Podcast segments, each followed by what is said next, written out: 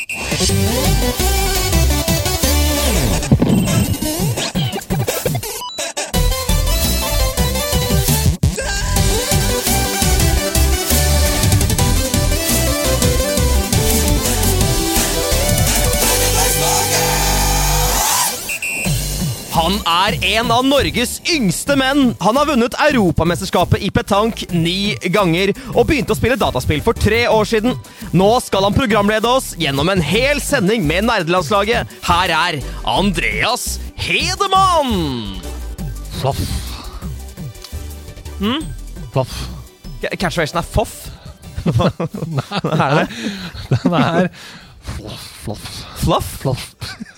Han sier voff, voff til den nye hunden din. Du er ikke her ennå. Å, ja. Gjesten. Vi kommer til å ta deg inn senere i episoden. Sorry. Fluff, sier jeg. Eh, ja, og, det, det, og, og du tenker at min hund sier floff? Nei, jeg, sier, jeg tenker ikke det. Christer understrek R understrek D har sendt inn catchphrasen PHLUFHP. Fluff. Flaff. Jeg vet ikke, vet ikke hva det er. Det høres ut som livsgnisten sklir ut av meg. Har vi begynt å bare bruke catchphraser vi ikke vet hva betyr også nå? Ja, jeg tenker at det er en demokratiserende øvelse å bare lese opp det som folk sender inn. Fluff. Tenk om det betyr noe stygt i Sri Lanka. Det kan det hende at i Sri Lanka så betyr det f.eks.: Jeg tar stor avstand fra eh, pride, Mm. for eksempel. Ja. Flaff. Og det er dårlig timing, Andreas. Ja, for jeg er jo veldig pride-fan, Du er det. Eh, og det er vi alle sammen. Eh, hjertelig velkommen til nerdelandslaget. Hei til deg, Hassefar. Jeg er også her. Jeg glemte Eller, ja. Sånn er det jo. Jeg kan, jeg kan ikke introdusere meg selv først, og så deg. Nei, det er Jeg introduserer deg, og så er programmet i gang. Du kan introdusere deg selv først. Du kan si 'Jeg er endelig her. Jeg har gjort det og det i dag', og nå skal jeg introdusere gjesten. Du kan gjøre det. Ja, men jeg, jeg, gjorde det ikke. Nei.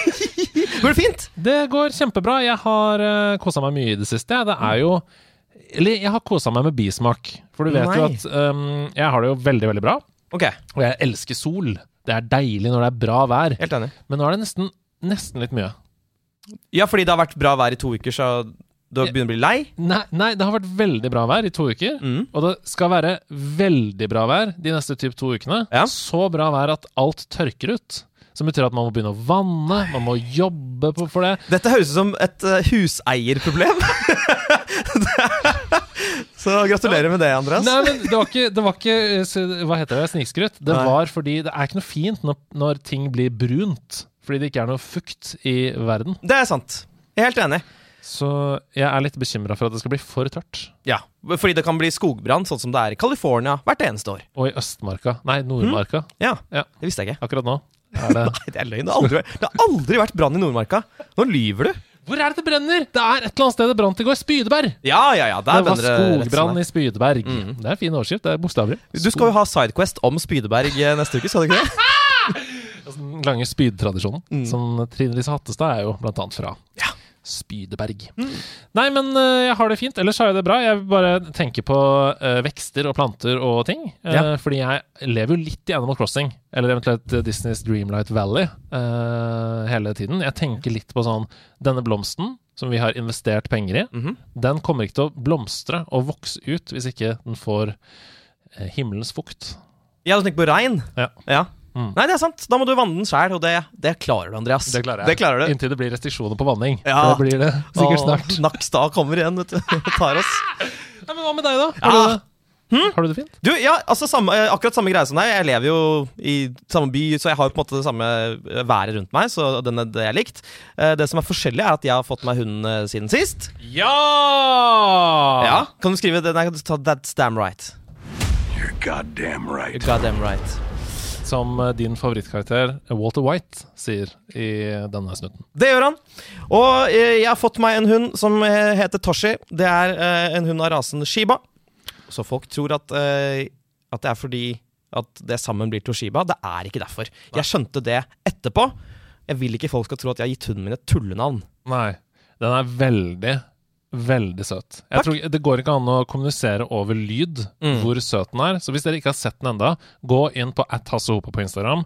Dere kommer til å potensielt få diabetes Mm. av å se det bildet.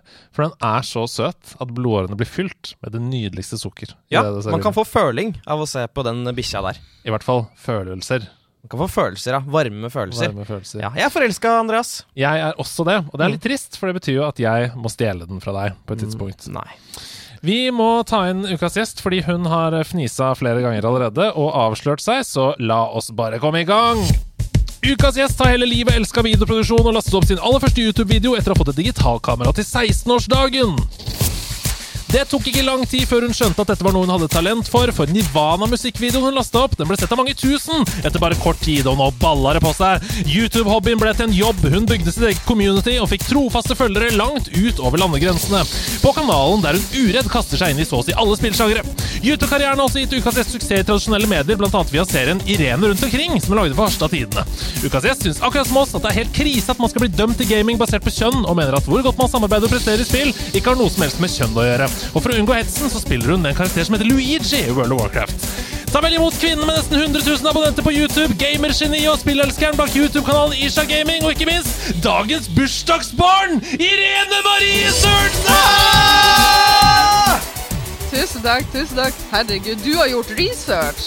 Ja, eller Du- stalka, da. Du Så- har søkt, og du har lest ifra de tre avisartiklene jeg er i i hele verden. Og du har funnet ut at jeg drev med videojournalisme i ren rundt omkring. Akkurat den så jeg ikke komme. Du har skikkelig stalka. Oh my god. Men du har altså bursdag i dag. Ja. Jeg har det, Ja. ifølge hva de sier. Ja, for du, du stoler ikke helt på fødselsattesten din? Jo da, jeg gjør vel det. Ja. Husker alt. Nei, nei, nei. Men du velger å være her! Ja, ja, fordi jeg må, holdt på å si Jeg måtte det. jeg kom hit fordi jeg måtte det. Det er ingen som vet hvordan jeg booker gjester, Nei. egentlig. Jeg sender liksom små følere rundt om i landet, da, vet du. Ja. Små balltrær. Kom på gjest. Kom på gjest. Ja. Nei, men Du velger å bruke to timer av bursdagen din sammen med oss, og det er vi utrolig takknemlige for. Vet du hva, jeg kunne ikke ha feira den på en bedre måte, egentlig. Ja! Der er du god. Koselig Skal du, ikke, skal du ikke trykke på en knapp nå, så kommer det et eller annet. Der, ja. Right. Ja, for det passer jo på en måte. Det passer kjempebra, Ja, det. det passer veldig bra. Så søt. Ja, Veldig, veldig søt. Men Ja. du, åssen uh, går det? Du, du bor jo i Harstad til vanlig. Hvorfor har du tatt turen til Oslo? Eh, Fordi eh, hun bestemor blir 80 år, og hun bor i Mellerud. Og hvorfor bor familie så langt unna? Nei, det var vel fordi at det var for kaldt i Nord-Norge. Ja. Når ungene var voksen, så bare flytta de sørover. Hva er det gøyeste med Mellerud? Uh, de har én pizzarestaurant, Ja. og det er ganske gøy. ja, det er jo gøy, det. Som om vi har pizza? Ja, det stoppa omtrent der. Ja, okay. Ja, det var Men- det. Du har altså bursdag i dag, og din bestemor blir altså 80 i morgen. Ja, Dere er såpass nære hverandre Ja. i fødselsdag. Ja, det er veldig koselig. Det er koselig. Har det vært sånn i oppveksten at dere kunne kombinere bursdager da? Nei, det har vi aldri gjort. Nei. Det tror jeg aldri vi har gjort. Sånn er det når man fra flyttinga jeg kan ikke du prate litt harstværing også, Ja. gjennom hele episoden? Hele jeg, jeg, kan, jeg kan ikke. Jeg er Nord- veldig svak på det. ja, Nord-Norge representing. Dere har sikkert mange som hører på.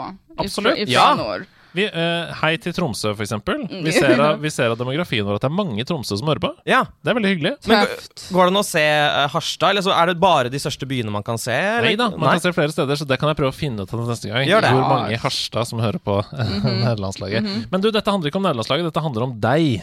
Og det er jo ofte sånn at når vi eh, tar med folk inn her, så skrur vi klokka tilbake og spør hva det første spillet de spilte var, men vi skal ikke gå dit helt enda. Fortell om deg selv. Fortell om hva driver du med. Eh, fortell om YouTube-kanalen din. Ja, ok.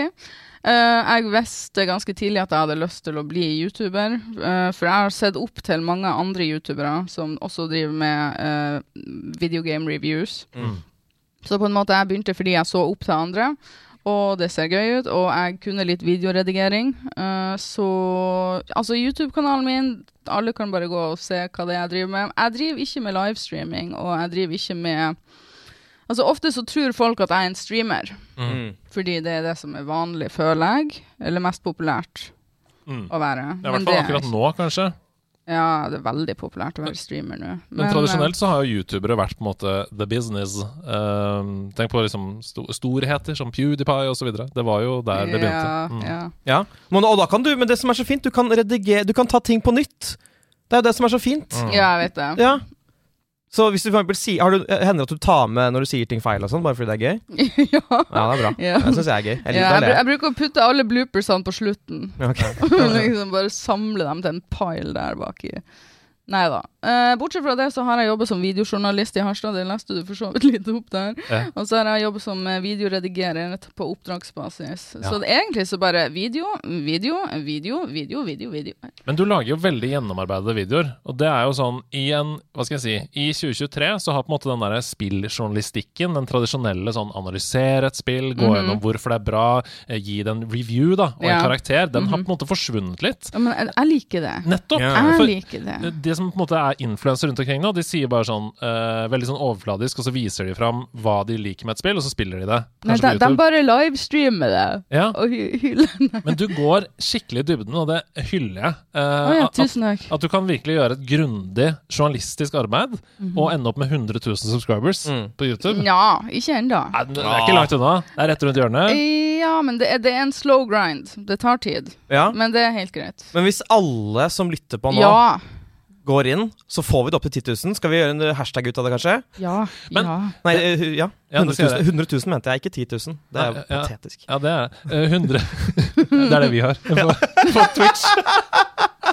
Nei, men, men jeg tenkte um, Jo, da vi booka deg som gjest denne yeah. sesongen, yeah. så skrev jeg jo i liksom, notatene våre, i lista vår, som vi har over booking og sånn, så skrev jeg Isha Gaming, eh, 93 000 eh, subscribers på YouTube, eller noe sånt. Og så sjekka jeg nå, og det hadde gått opp 2000 Mm. siden jeg booka deg. Oh, ja. Så det har jo det, Ja, det er en slow grind, men jeg tror du når 100 000 i 2023.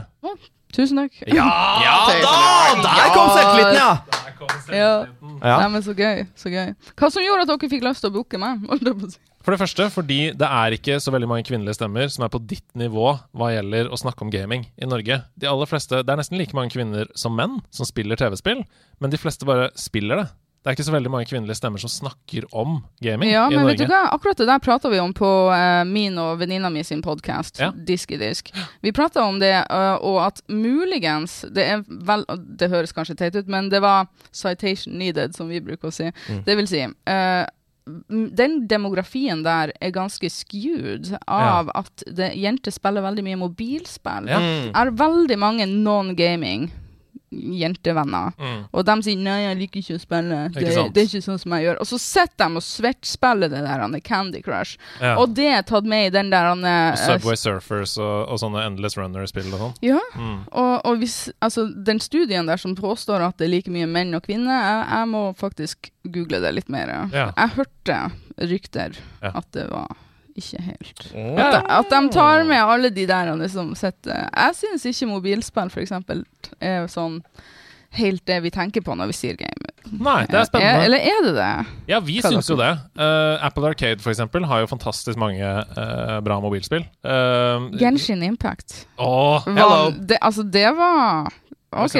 Nei, men det var Der bøyer jeg meg i støvet for den. Nå, jeg, nå hørtes det ut som resonnementet mitt var liksom over. Det, det var én av delene, Ja. men først og fremst er det jo fordi du bare er veldig flink. Samme uavhengig av kjønn. Altså, Vi hadde jo lyst til å ha deg på besøk allerede i Mm. sesong én. Jeg sendte jo melding til deg allerede i sesong én. Ja, du slida inn i DM. Ja, Ja, det. det gjorde Sånn det. Lille slibrige Du er- du skrev 'Heia, hva gjør du?' Andreas! Hva gjør du nå? Jeg er avslørt. Ja, det er avslørt. Eh, Spiller du? skriver jeg. Spiller du? Hva spiller du i kveld, da? Hva spiller du nå? Det gjør jeg også, uansett hva jeg hadde svart. Nei, tøyser. Nei, men Det var først og fremst derfor du var gjest, fordi du er veldig flink. Eh, og fordi vi hadde sett videoene dine og tenkte wow, hun er norsk! Vi visste jo ikke at du var norsk engang. Det er mange som ikke vet det. Oh my god. Mm. Oh my god. Ja, what the fuck. Men la oss spole tiden tilbake, Irene. Oi, enda lenger tilbake. Irene Marie Sørensen. Ja. Hva var det første TV-spillet du spilte? Husker du det? Oh my god. Jeg var i bleia. Så hvordan kan jeg huske det? Altså, du skjønner det at han pappa er Bill Gates. Og han putta barna fremfor datamaskinene, da det heta datamaskin. Mm. Og han hadde installert alt han fant. Ja. Ja. Kings Quest og Doom og, Ja, og, stemmer og det. Ski Free og Hugo og okay, det- Josefine og Brems! Ducktales og MS-DOS! Ja. Nei, fordi det som er at jeg har jo um, Vi har jo fulgt eh, YouTube-kanalen din, alle sammen. Oi. Og du har jo spilt en milliard spill i ditt liv. Ja, Eh, og vi har jo også vi... lest disse tre artiklene i Harstad Tidende som du refererte til i stad. Du, vent litt. Kjøpte du Harstad-tidene pluss for å Selvfølgelig. Oh my god. 79 kroner måneden, det. Ding dong! Nei, men hva var det jeg skulle si? Um, så jeg stoppa litt opp ved sånn Et av de første spillene du spilte, var Doom! Altså, Ja. hadde du, er ikke det veldig voldelig til å være i bleian? Nei. Uh, søskenbarnet til mamma han ga meg sånn God code. Å ja, så, så Ja. gjorde det uovervinnelig? Ja, og da Ah. får du de der gulløyene i okay. første doomen, og da er du God. Og da er det ikke skummelt, for du kan ikke dø. Egentlig så tror jeg jeg var så ung at jeg, jeg syntes ikke det var skummelt. Jeg syntes det var kult og fascinerende og skitbra. Wow. Men, men du var jo ganske tidlig veldig altetende når du sier Kings Quest eh, og Ducktales i samme setning. Altså Da har du et skytespill, du har et rollespill, eventyrspill, og du har et plattformspill. ja. Har du alltid bare elska alle typer spill? Ja. Vet du hva? Jeg har et vagt minne av at jeg for på besøk veldig lite. Det her er før jeg begynte på skolen. Vagt minne av at jeg drar til en nabo, og jeg var fascinert over at det han holdt i handa, gjorde at noe på skjermen bevegde seg. Ja. Mm. Oh my god, mind blown. Ja, det er jo må- sykt første gang man ser det. Ja, altså, vi må gå way back til når du ikke vet noe som helst Mm. fordi du er et barn. Ja. Det Barne-TV det er pre-recorded, men at du kan sitte og styre barne-TV helt sjøl på TV-en. Mm. What? Ja, det er jo helt Solgt. sjukt. Dette er jo Solgt. det du har snakka om med Duck Hunt. Første gang du var i USA og fikk prøve å skyte på TV-en. Ja, mind bare- blown. Ja, men den teknologien syns jeg fortsatt er Ja. helt sjuk. Jeg skjønner ikke hvordan det Det går er an. fortsatt mind blown. Ja, akkurat det føler jeg Altså, Der har vi bare glemt en sånn veldig futuristisk greie som vi bare sluttet å bruke. Bare hva skjer? Ja, ja. Men hadde du også egentlig ganske tidlig forhold til PC, Hasse? Ja, men pappa hadde Mac Ja. uh, før det var kult, og det var bare drittspill. Så PC hadde jo masse kult. Var det den gjennomsiktige, fargerike Mac-en? Ja, det var den gjennomsiktige fargerike. Mac-en. ja. Den Prince ville- of Persia. Den ville alle ha. Ja. Og det, det har jeg også installert på de MS-DOS-maskinene til pappa. Ja. Prince of Persia. Ja. Mm -hmm. Døde masse. ja, det gjør man. man Fant, blir, fant kniven ganske tidlig, da. Du fant kniven tidlig, ja. Ja. ja. Det er kult, for da kan du fekte. Mm -hmm. Tenk at dere har denne detaljkunnskapen om et 359 år gammelt spill. Mhm. Det er helt utrolig. Eh, ok, men hvor gikk det videre herfra? Fra Nei. eh, PC i bleian? Eh, ja, ja, basically. Eh, så var det at jeg eh, masa på en Gameboy Color, og så sa mamma og pappa ja, du skal få en Gameboy Color. Og så for vi, og så skulle vi kjøpe det, fordi det var bursdagen min. Ja. Og så var det utsolgt. Uh. Og så sier dama ja, men vi har fått inn en ny type Gameboy. Den, ser- den er sånn der han er avlang og sånn. Og så sier jeg å mamma, se hvor kul den ser ut. Og så sier hun mamma sånn ja, ungen skulle ha Gameboy i dag, så da får hun den der, selv om den var mye dyrere. For den kosta sånn 1250, altså Ja. 1250, og det var Gameboy Advance. Åh, Ja, Så heldig! Altså, du ja, kunne, det er den mye bedre enn Gameboy mm -hmm. Color. Jeg tror jeg fikk den på release day, fordi hun, hun dama i butikken der sa denne kom nettopp inn. Og hun drev og sto og stabla den opp på hylla, liksom. Hun som jobba der på den lekebutikken. Wow. Ja, what the hell. Jeg Og vet du hva, da, da viste jeg Gameboyen min til venninna mi når jeg kom hjem. Hun som hadde en Gameboy Color som jeg hadde lyst på også. Så sier jeg 'se hvor kul min ser ut', og hun Mm. bare 'å herregud, mamma, jeg vil ha den Gameboyen'. Og moren hennes bare Irene! ja. Ja. ja, nei, det var uh, Pokémon Silver. Ja. Ja. Og uh, Super Mario Advance. Det var de to første spillene. Wow. ok, Før vi går inn i det, så må jeg bare si at uh, Gameboy Advance Jeg lagde nettopp en Sidequest med Rune Fjell Olsen. Uh, Spill-Norges Grand Old, Old Man. Man. Mm. Og han jobba jo i VG da Gameboy Advance hadde release. Oh. Så mens du var i lekebutikken i Tromsø, så gikk Nei. altså Rune rundt på Karl Johan med en Gameboy Advance og hadde fem på gata om den nye Gameboyen. Wow. på Karl Johan. Hva syns du om denne? Og folk bare sånn Er ikke det sånn barneleka? Er ikke det Nei, hva i alle dager? Ja, men tenk på det. Sånn var spill da. Det Mm. var noe rart, og nå har det kommet noe rart og nytt. Så rart at vi må ta fem på gata om denne rare Nintendo-tingen. Mm. Mhm. Det er så sjukt å tenke på, og du bare 'Jeg skal hjem og spille'. Det var, det var du.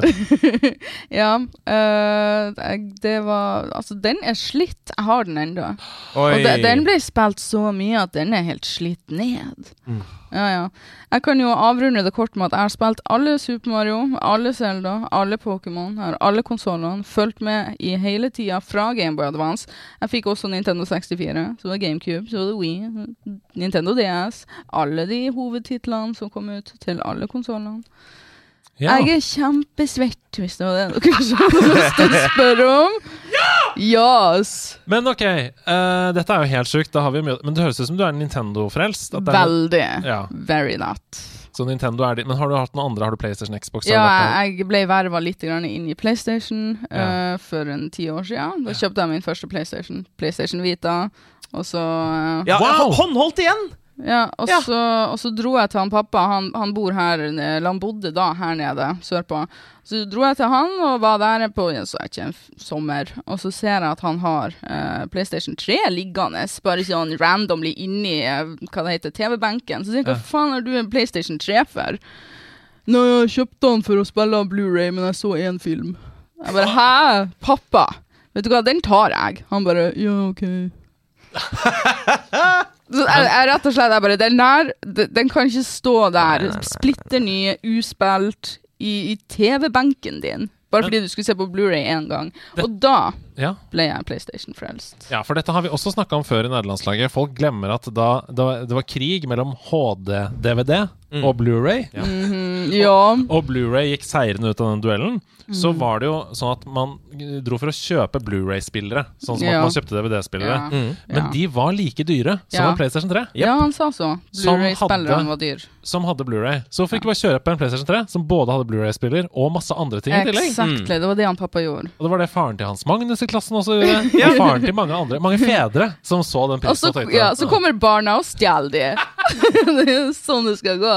Nei, den ble også skikkelig eh, utslitt, holdt jeg på å si. Spilt mye på. Der starta jeg blant annet med Nino Kuni og Final Fantasy 14. Yes! Yes! Men- Nino Kuni. Å, For et fantastisk jeg vet spill. det. Ja. Det er faktisk latterlig bra. Ja, det er, jeg, kan, jeg kan begynne å gråte bare tenke på det Ja, jeg vet Ja, det.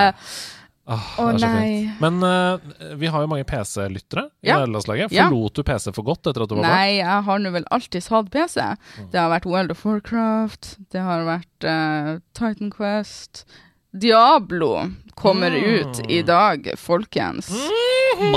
Ja! Skal dere spille det? Jeg har spilt det allerede, Har du for jeg hadde Early Access. Ah, så jeg ja, spilte det fra andre Junes. OK. Ja. Du har også spilt, eller du har i hvert fall fått kode, men du har kanskje ikke fått spilt det enda. Det kommer vi tilbake til. Ok, Kan du, gi, kan du gi en lynrask first impression Nei, skal, score? vi, vi skal gjøre det etterpå, Oh, ja. når vi kommer tilbake dit. Eh, Ok. Det er Stian uh, Blippolini yeah. som anmelder det for oss. Og Å, han er ja. over level 50 allerede, og har eh, vært meget svett eh, Uh-huh. i helgen. Veldig, veldig bra. Very good. Men uh, vi får se hvordan anmeldelsen hans er senere. Men uh, la oss bremse litt. Du, eh, hvis, du, hvis du må velge ut Altså Vi sier jo Du har jo en milliard spill å ta tak i her. Mhm, Men vi sender jo en brief hvor vi skriver sånn topp tre spilleopplevelser. -hmm. Som ikke trenger å være de beste spillene du har spilt, eh, men bare tre spill som på en måte gjorde deg til den gameren du er. da Og det høres ut som vi skal inn i Nintendo-land eh, på et eller annet tidspunkt. Gjorde meg til den gameren jeg er. Ja. Det var ikke det du skrev i e-mailen. Nei, det var ikke det. Det var ikke det jeg skrev i mailen. Men jeg Du- fant det på nå. Du skrev eh, 'Har du noen morsomme historier', eller noe sånt. Ja.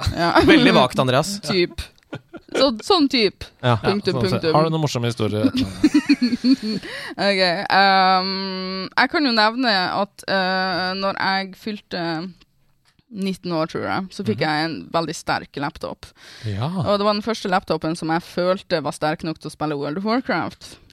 Mhm. Og vet du hva, uh, jeg vet ikke om dere har erfaring med World of Warcraft. Nei. Men altså, jeg spiller ikke det nå lenger, men jeg vil aldri glemme følelsen av at det direkte kribler i hele kroppen, og man uh, bare har lyst til å spille det med en gang man står opp. Mm. Fordi at jeg hadde aldri spilt et MMO før. Det var direkte kribling i kroppen av hvor spennende det var å spille et MMO-spill, Mm. hvor man kunne faktisk fysisk gå rundt og prate med andre.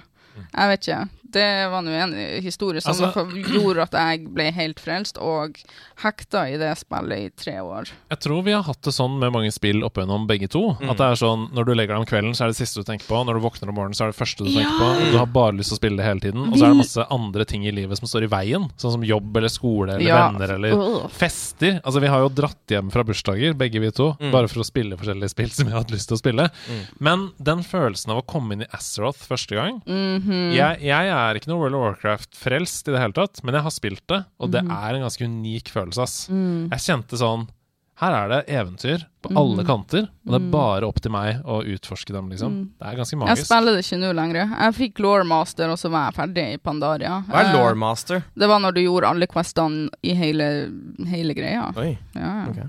Det er helt sykt. ja, ja. Det er så mange timer, det. Ja, det, det var en god del timer. Det var det. Uh, men jeg spiller det ikke nå lenger. Venninna mi derimot, uh, min podcast-host, hun spiller, hun spiller det every day. Mm. Enda!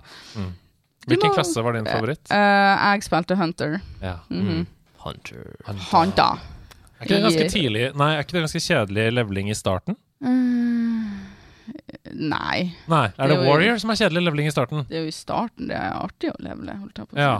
Stemmer det. Det er, det er Warriors som bare må drive og holde på med sånn kjedelig levling i starten, uh, Mm. mener jeg. Mm.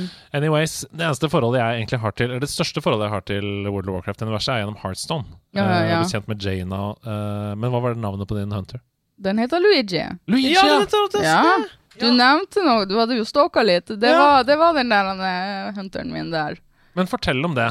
Eh, Det at det er vanskelig å være kvinne, og at du har spilt med Er det Nei, derfor du har vet, spilt vet med du hva, den artikkelen du har lest ifra, altså, den tror jeg har uh, satt det veldig på spissen og clickbata det bitte litt. Fordi at um, veldig, veldig snill og flink journalist som uh, ringte meg på telefonen og spurte meg om dette med å være kvinnfolk i gaming. Uh, så spurte hun sånn Ja, har du følt at du har vært diskriminert pga. kjønnet ditt? Så sa jeg nja, egentlig ikke, men eh, jeg har sett fordelene med at jeg er kjønnsanonym ved å kalle meg Luigi. Folk bare antok at jeg var en dude i Mm. World of Warcraft. Fordi det finnes jo eh, idioter i alle samfunn. Absolutt alle samfunn. Mm. Og det er absolutt også tilfeller jeg har hørt om hvor uh, kvinnfolk ikke får lov til å være healer, for det klarer de ikke, eksempel. Ja, men altså, det finnes overalt. Mm. Det er så sykt, det. Altså, hvis du kommer over rette gjengen eller personen i et random game, så kan du Ja, men, men har du hatt andre spill der du har hatt uh, kvinnenavn? Nei. Vent litt. Kvinnenavn. Ja, altså ikke Luigi, men et kvinnelig navn? Eh, egentlig så er jo Isha kjønnsnøytral òg. Det er veldig sant. Mm. Ehm, I Final Fantasy 14 så kalte jeg meg for Isha, et eller annet. Mm. Mm. Og eh, folk antok der også at jeg var en hi. Mm. Ja, ja. En hi. Men altså, det er ikke så nøye. Nei. Nei, det har ikke en dritt å si når du er online, tenker jeg da. Eh, det viktigste er jo å ha det hyggelig med andre og mm. være flink til å spille, på en måte. Eller ha det gøy med å spille, da. Trenger ikke være så flink heller. Ja. Um, så hvilket kjønn du har, er jo revnende likegyldig, tenker jeg, da. Men uh, det er uansett interessant vi, vi har jo sjelden Altså, vi prøver å sette fokus på det. Vi hadde en stream som het 10 timer toxic, der vi hadde kvinnelige streamere på besøk som Oi. streama uh, og hadde toxic bingo-brett, som Oi. de kryssa på hver gang de fikk toxic kommentarer mot seg. Ja, ja. For eksempel 'jævla hore' eller sånn. Så bare ja, kryss. Uh, yay! Nei, En, en på rad. Og det skjedde ganske mye i den streamen. Hadde dere også sånn bingokort, da? Uh, gutta, eller? Ja! Nei, det, det var jo bare ingen som kaller dere for jævla hore? Nei. Nei. Nei? Det er ikke. Merkelig, det der. Mm. Det er helt sykt. Altså, man kan få uh, kill yourself. Det får vi ganske ofte, Hasse og jeg. Ja, men det er fordi vi spiller dårlig. vi må spille skikkelig, skikkelig dårlig, Ja. og da kommer det. Det er ikke fordi vi sier hei med kvinnelig stemme, og så Nei. får vi kill yourself med en gang, sånn som de får, da. Uh, og da snakker jeg om Emsia og andre, Ja, ja. andre norske Jeg har møtt dem så søt. Jeg møtte Mm. henne på Spillekspo. Mm. Mhm. Veldig flink, men uh, må også stå i det. Men du har ikke opplevd noen sånn type hets, eller? Nei, jeg har ikke det. Helt ærlig, nei. Fordi jeg driver ikke med uh, competitive gaming. Nei. Det er jo egentlig der det toxic Mm. environment er. Uh, det er jo ikke Det skal godt gjøres at det er toxic uh, i single player offline games. Er selv, ja. da er det du sjøl som sitter og er toxic. Rager. Ja, ja. Fuck det hullet her i Mario! Jeg kommer ikke over denne kanten! det skal godt gjøres. Kill yourself, hull! Ja, ja. Bortsett fra i Skyrim. Do you get to the cloud district very often? Ah, Toxic. Toxic. I know, right? I know. Ja. Jeg tar den ikke. Nei, men du har ikke spilt så mye Har Skyrim. du ikke har spilt noe Skyrim! Hvorfor har du What? Si det! Si det! Skyrim. Har ikke spilt Har spilt Skyrim. Jeg har ikke det. Har ikke det! Men det er helt greit. Du er verdifull likevel. Ja, det er jeg. Litt i forsvarsmodus der. Ja, jeg har spilt masse spill som dere ikke har spilt. Ja. Hvilket uh, spill nummer to har du tatt med deg etter World of Warcraft? Uh, Skyrim. Det er Skyrim, ja! Nei, altså, jeg har, jeg har bare lyst til å prate om Skyrim. Skybing! Nei, men så det er disse Hasse, du må spille Skyrim. Ja, jeg vet det. jeg vet det Men nå, Ah, ja. har du, nå har du nevnt flere, på en måte, i tillegg til Nintendo-universet, da, så har du Mhm. nevnt flere åpne, fantasiorienterte verdener. Altså Ja. fantasy, liksom eventyr, RPG. Ja. Er det em, Har du en eh, tendens til liksom rollespille? Kunne du liva? Kunne du løpt rundt i skogen som en karakter? og Hva du kalte det? Live? Living. Mm. Altså det living, det, det betyr å rollespille på ekte. At du tar en, What? du tar en karakter, da. For eksempel Isha uh, er din karakter. Hun er en uh, wood elf. Snakker vi nå virkeligheten? ja, ja. Og så er du sammen med 20 venner, og så går du ut i God. skogen, og så spiller du ut at du er Isha wood elf. Nei! Nei, Sorry. Sorry til alle som driver med det, men nei. nei ikke for deg. Nei. nei, men det er jo på en måte Cosplay er jo første ledd mot det, Ja, da. nei, nei, jeg har nok aldri tenkt på det. Altså, jeg, jeg er glad i spillene. Ja. Det er nok det. Men du lever deg inn i de verdenene. Ja, absolutt. Hva med på halloween, da? Uh, ja jeg Du er ikke- veldig glad i halloween. Nei, jeg er ikke så glad i halloween. Jeg så noen bilder av deg på Facebook der hvor du hadde virkelig uh, sminka deg på. Du hadde uh, kjæresten din, mannen din, vel? Ja, Ja. gubben. Mannen din og du, dere var kledd ut på halloween, og du hadde noen linser og eller et eller annet. Mm, mm. Der ser du. Ja. Ja, altså, det skjer, men det er ikke så exciting lenger. Altså, jeg føler at jeg har feira halloween nok, egentlig. Men så må man bare kjøre en fest for de andre. Ja. Basically. Men eh, ok, så fantasiverdener Ja. og Nintendo, Ja. det er på en måte hva, hva er favoritt, eh, din favorittby i Skyrim? Uh, jeg er glad i alle byene. Ja, de er veldig forskjellige. Um, jeg liker Dawnstar, selv om ingen liker den. Oh, jeg Dawnstar! Mortal har uh, en vibe som er litt god. Jeg vet ikke.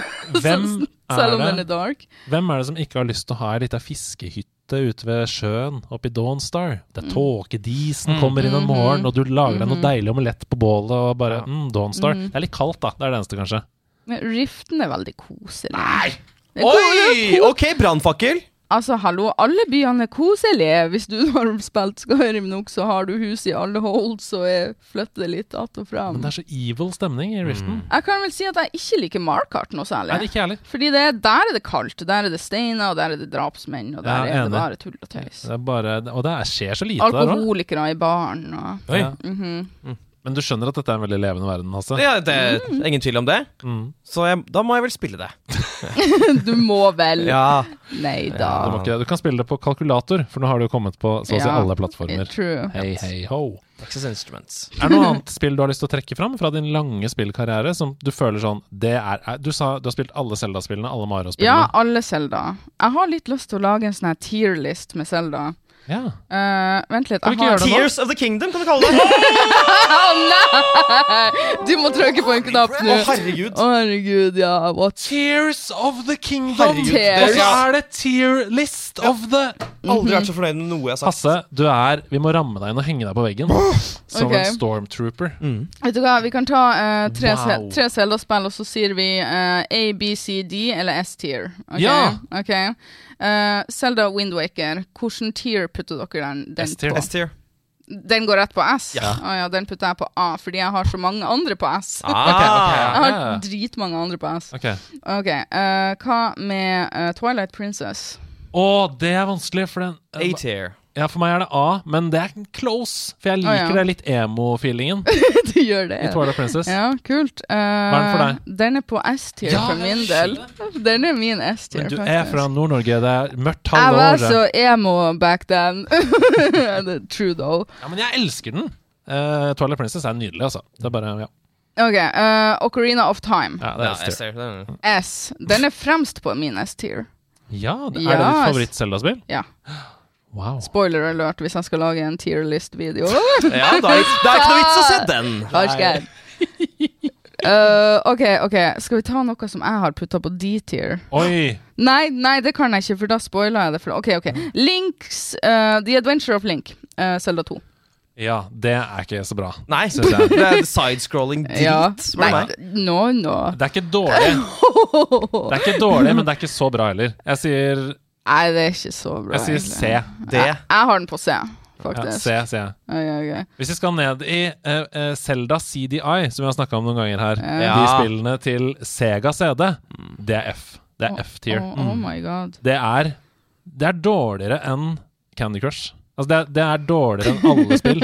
You had me at Candy Crush. Det er, Det er ikke greit. det er, det er ikke et spill. Altså, det er så Ja. Det er så fælt. Ikke gatekeep hva som er et spill, Andreas. You got me! Candy Crush er også et spill. Det er Ja. med på Og jeg har demografien spilt for at alle sammen 3000 er baner i. Candy Crush. Så jeg eh, Ja. Jeg elsker å spille Candy Crush på fly, for eksempel. Men For, altså, for fly, tiden til å fly av sted. Veldig bra. Ja. Pent. det er jo veldig mange som spiller Candy Crush, men som ser på seg sjøl som non-gamer. Ja. Jeg syns jo at folk som spiller yatzy på hytta, er gamere. For det er, Syns du det? ja, for det er en interaktiv opplevelse med et spill.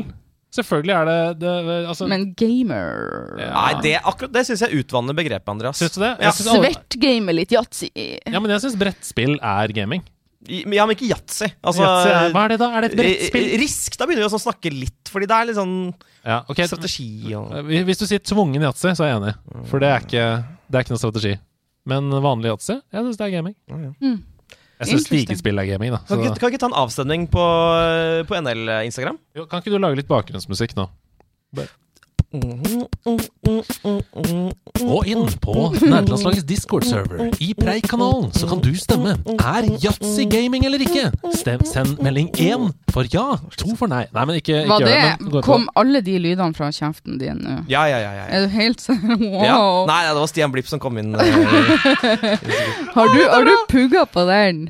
Ja, akkurat det. Ja, jeg har pugga på Doom-låta. Det har jeg. Ja, jeg hørte det var Doom. Ja, Ja, Mm -hmm. Veldig, veldig bra. Takk. Nei, men eh, Da har vi begynt på en slags Tear of the Kingdom-liste. Very good. som du kan fortsette med på din egen kanal. Ja.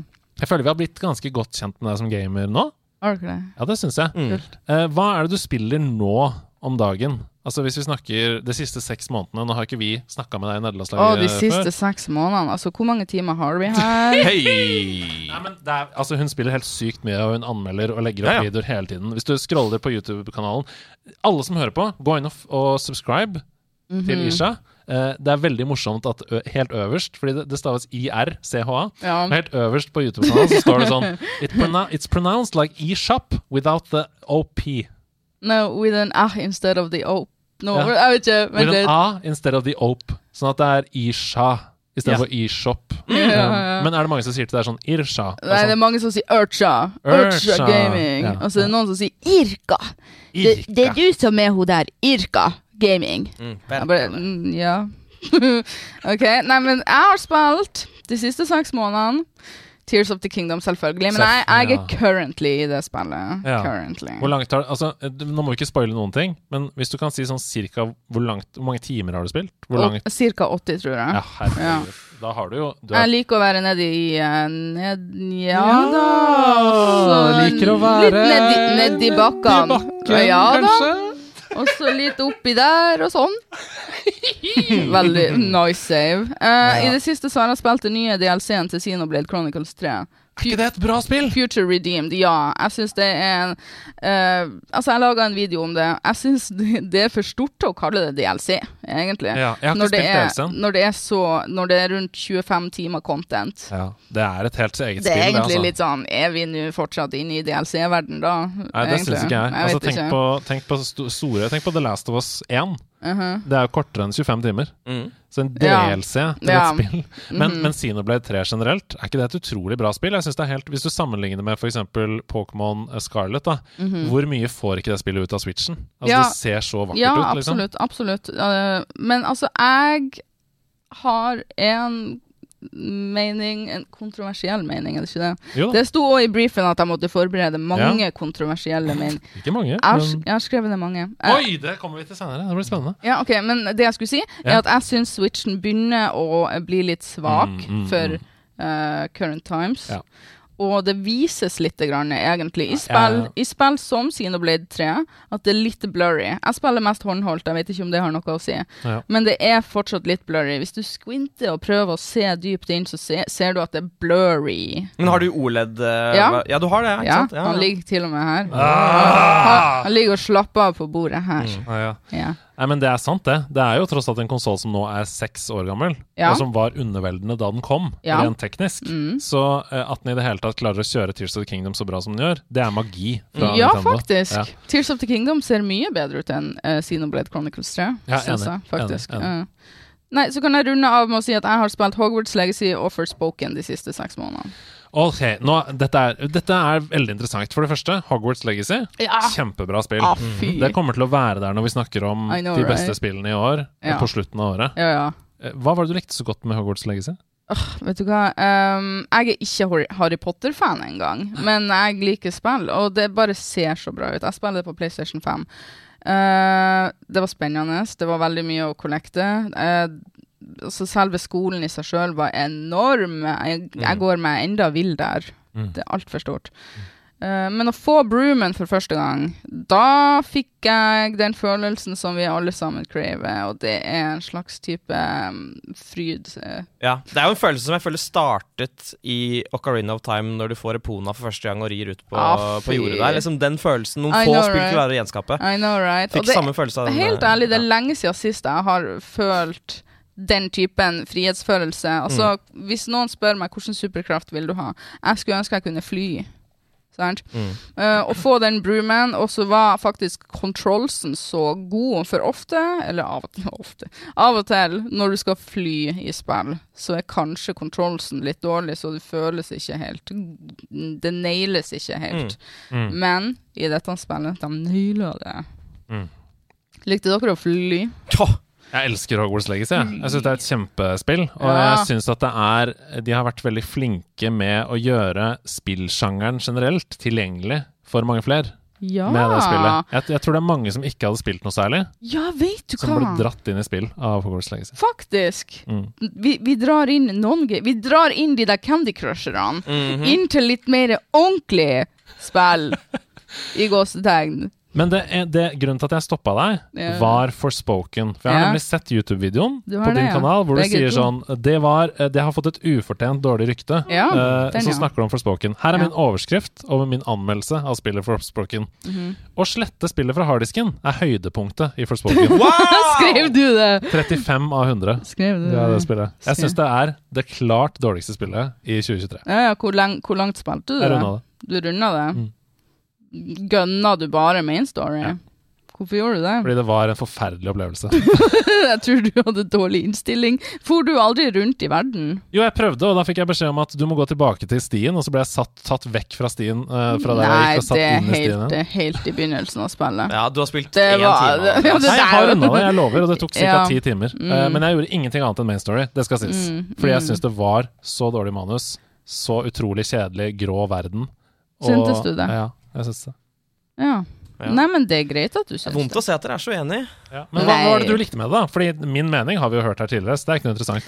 Altså, jeg syns at uh, måten du beveger deg rundt på Altså, du uh, The parkoury traversal, hva Mm. nå enn det er på norsk. Jeg kan jo ikke snakke norsk. Jeg prater jo bare engelsk på YouTube. Ja, men det er jo sant, det, eh, på en måte flyten, bevegelsesmønsteret ditt, hvordan du Ja. kommer, ja. Eller Ja, ja. Parkour Traversal går også fint. Ja, så- altså Jeg har aldri opplevd et så bra fremkommelighetsmulighet. Mm. Norsk, herregud. ja.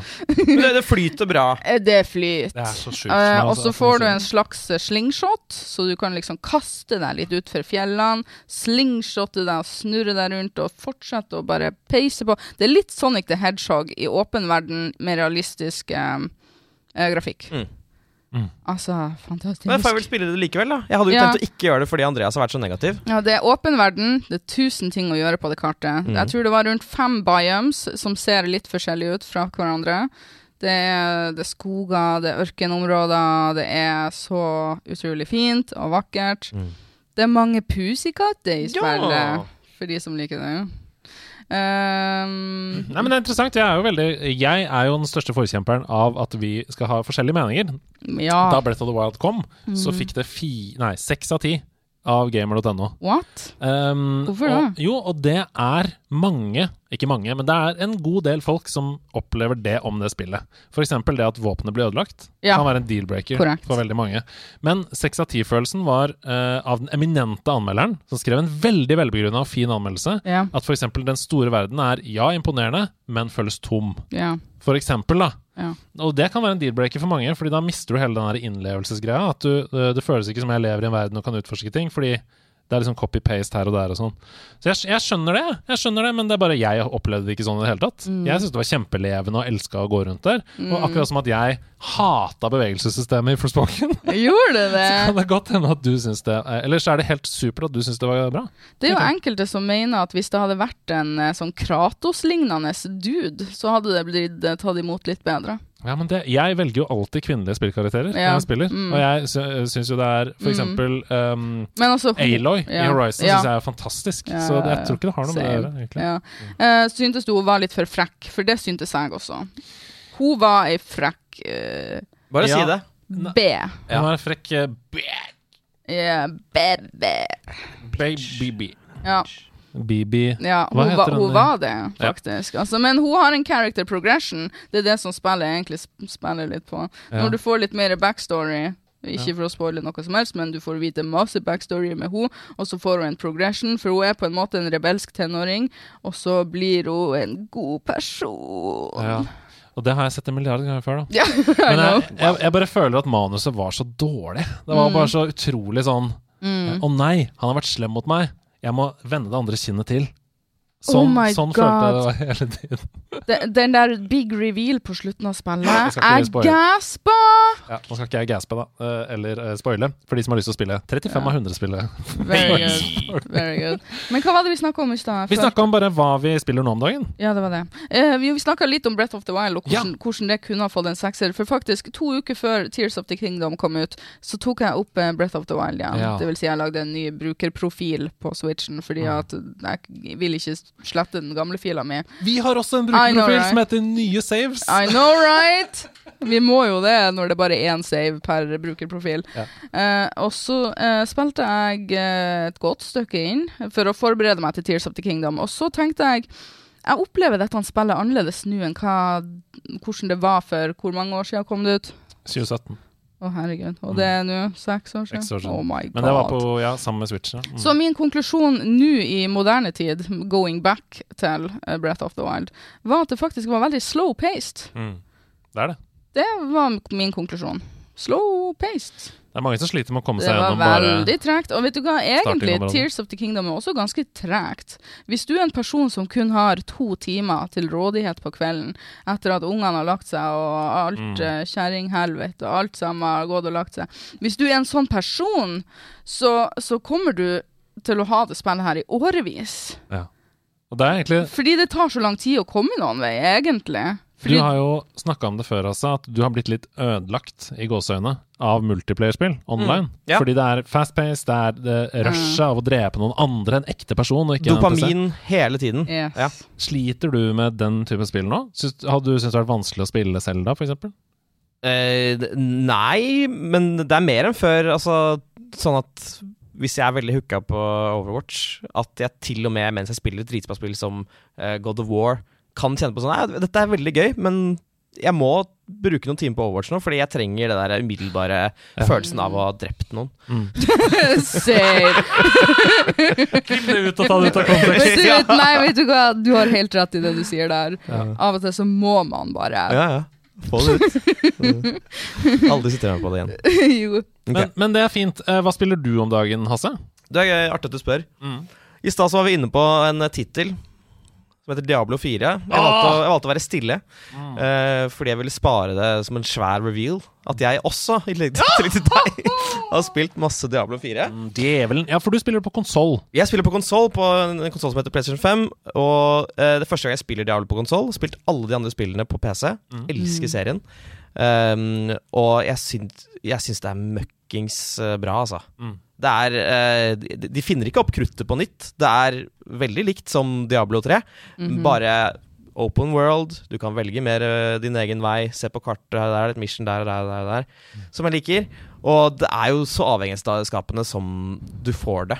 Eh, De- jeg, jeg liker at du, du sier at det er veldig likt Diablo 3, for if it ain't broke mhm, og hva fortsetter setningen med det? You don't, Don't fix, fix it, don't don't fix, fix it. it. Yeah. veldig bra, veldig bra. Ja, det er bra. Ja, men du kan glede deg, altså. Ja. Og det kan alle dere andre uh, også. Jeg spiller for øvrig Barbarian. Hva spiller du, Andreas? Jeg spiller Sorcerer. Mm, kult. Mm. Det skal vi snakke mer om når det kommer til hva Nice. jeg har spilt. Vet du hva, jeg kan hoppe inn i den. Ja, du, gjør det, fordi jeg, jeg er ferdig. Ja, eh, jeg, eh, for jeg spiller også Jeg har bare så, jeg, jeg har så vidt rørt Diablo 4. Og grunnen til det er for jeg har spilt veldig mye annet. Eh, jeg har blant annet anmeldt We Love Katamari, Reroll, yes. Ja. som kommer sen senere i denne episoden. Og det uh, gønna jeg på meg gjennom helgen, så jeg har ikke spilt så mye eh, Diablo 4. Jeg har så vidt kommet meg gjennom character creatoren. Jeg var inne på det i stad. Det er selvfølgelig en kvinnelig hovedkarakter Mm. som jeg spiller som. Tiril Tåkedis, heter hun. Var det du som kalte henne det?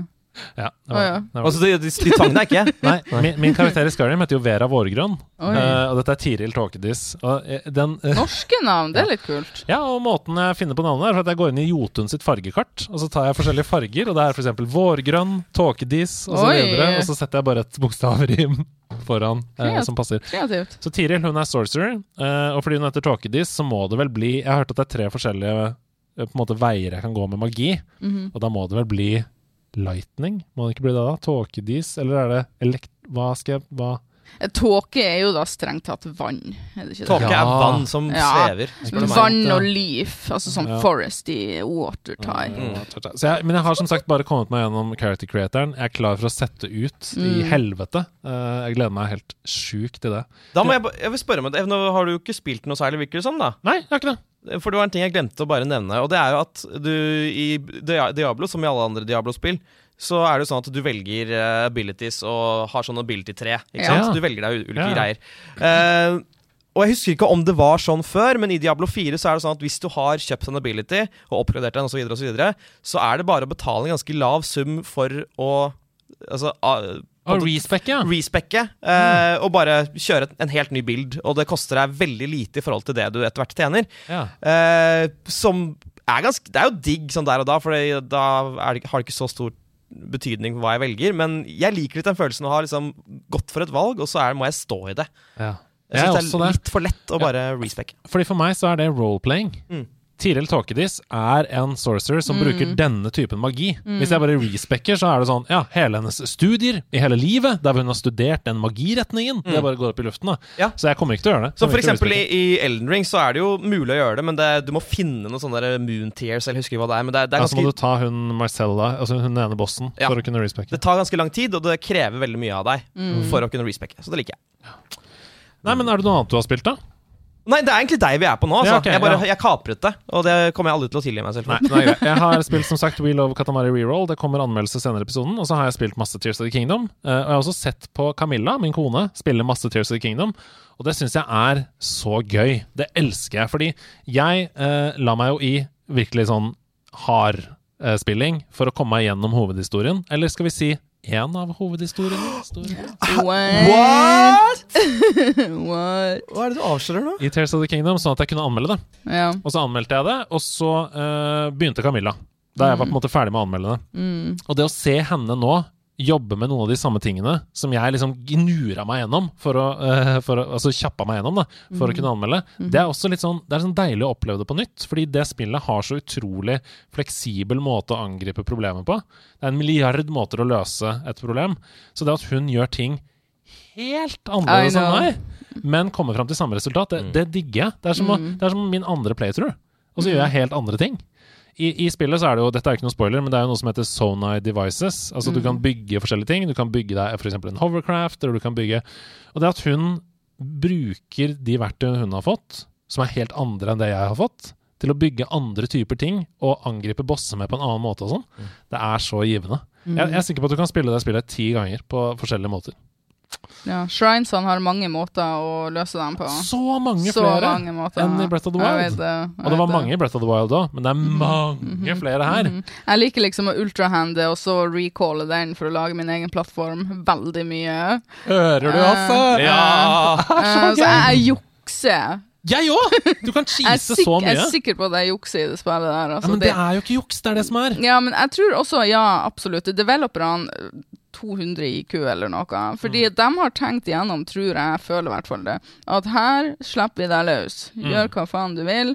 Vi vet at det finnes fem måter å løse dette puslet på. Let's Mm. go. Sant? Ja, ja. Du har mange, mange mange muligheter til å løse Ja, ting altså, på. ja. Nei, jeg, jeg mener at ingenting er juks i det spillet, da. Uh, hvis du bruker masse masse tid på starten på å ta masse masse shrines, sånn at du kan levele opp staminaen din, sånn som i Breath of the Wild, yeah. da kan du basically klatre deg gjennom spillet. Ja. Du kan bare klatre overalt du vil, fordi du har altså, Det er så bra! Ja! Det er Ja, så bra at det. det, er bare eh, jeg, Det er ikke noe annet spill jeg spiller hvor jeg tenker Hm, kan jeg gjøre det? La meg teste. Uh-huh. Og så tester jeg, og så kan jeg det. Mm. Det er så, det er så gøy. Ok, vi skal videre i podkasten. Nå er det på tide å se hva du har tatt med deg. Ha med, ha med dag, Hey, hey. Ha med, ha med dag. Ha med ting etter ditt behag, for det er ha med deg. Har hun med i dag? Hva har hun med i dag? Er det en gammel, gammel ting? Er det en gammel Er det kanskje en Nintendo Switch, eller er det Lilo og Stitch? Har hun tatt med Zelda-spill, eller har hun tatt med Mario? Eller har hun tatt med en nordnorsk do på denne ha med deg? Kanskje hun har faktisk tatt med seg den doen du beskrev? I så fall så håper jeg at den ikke lukter svev. Jeg håper ikke hun har fylt den opp, eller tatt med seg en snopp. Eller tatt med seg en kopp som er av. For det er ha med deg. Ble veldig barnslig Ja. intro denne gangen. Syng dere den hver gang? Ja. Oi. Hva har du tatt med deg? Vet du hva? Jeg satt på flyet i dag og bare faen. Nei, men, nei, nei, nei, vent litt. Jeg okay. har med meg Switchen. What? Og så tenkte jeg Og og jeg hørte det i sangen også, ja. i lyricsen, Jeg sa det i til, lyricsen. til deres sang. Ja. At uh, kanskje man har med seg Switchen sin. Ja. Så tenkte jeg uh, jeg kan gi dere Most Played Top 5.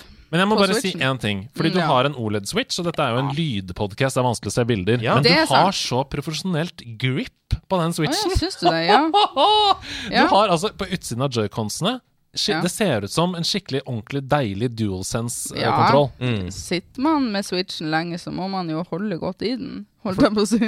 Så ja. dette er Skull and Cosit grip. Uh, Venninna mi eh, anbefalte meg det, og det er det beste gripet, syns jeg. Det ser skikkelig bra ut. Det ser så deilig ut. Ja, eh, Dette er jo min fjerde Switch. Jeg kjøpte launch-switchen på launch day. Ikke Ja. sant?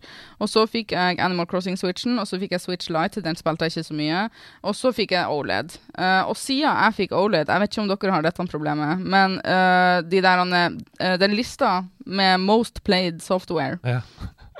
Den følger jo ikke Nei, brukeren. er den, følger, den følger Switchen, Nei, og ikke brukerkontoen. Og alle vi som elsker stats og sånne ting. Ja, vet du hva, det er helt forferdelig. Det var sånn, Jeg spilte Skyrim, så sto det 'You have played it for a little while'. Jeg bare nei. Hva med, hva med 400 timer, egentlig? You played it for a little while. Og vet du hva, Da slo jeg av sånn at ingen venner kan se at jeg spilte det for a little while, for det var flaut.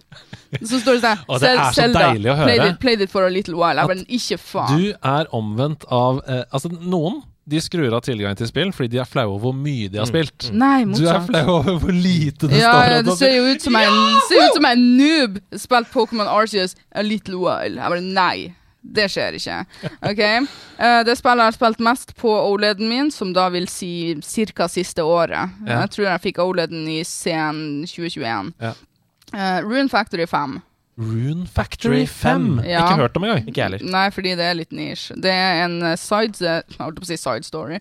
Det er en, det er en side Scroller? Nei. Nei. Hva er det jeg skal frem til? Det er en En i, under Spin-off! Fuck. Ja. det er en spin-off av eh, gamle Harvest Moon, Story of Seasons, oh, faktisk. ja. Altså originalt, faktisk. Ja. Eh, Rune Factory 6 er annonsert. Vet du hva? På andreplass over Most Played på min Switch OLED har vi faktisk Tears of the Kingdom allerede! Mm. Der ser du. Yes. Hvor mange timer står det der? Uh, skal vi se. Skal vi skal vi se om jeg? Tipper åt- 80, tipper jeg.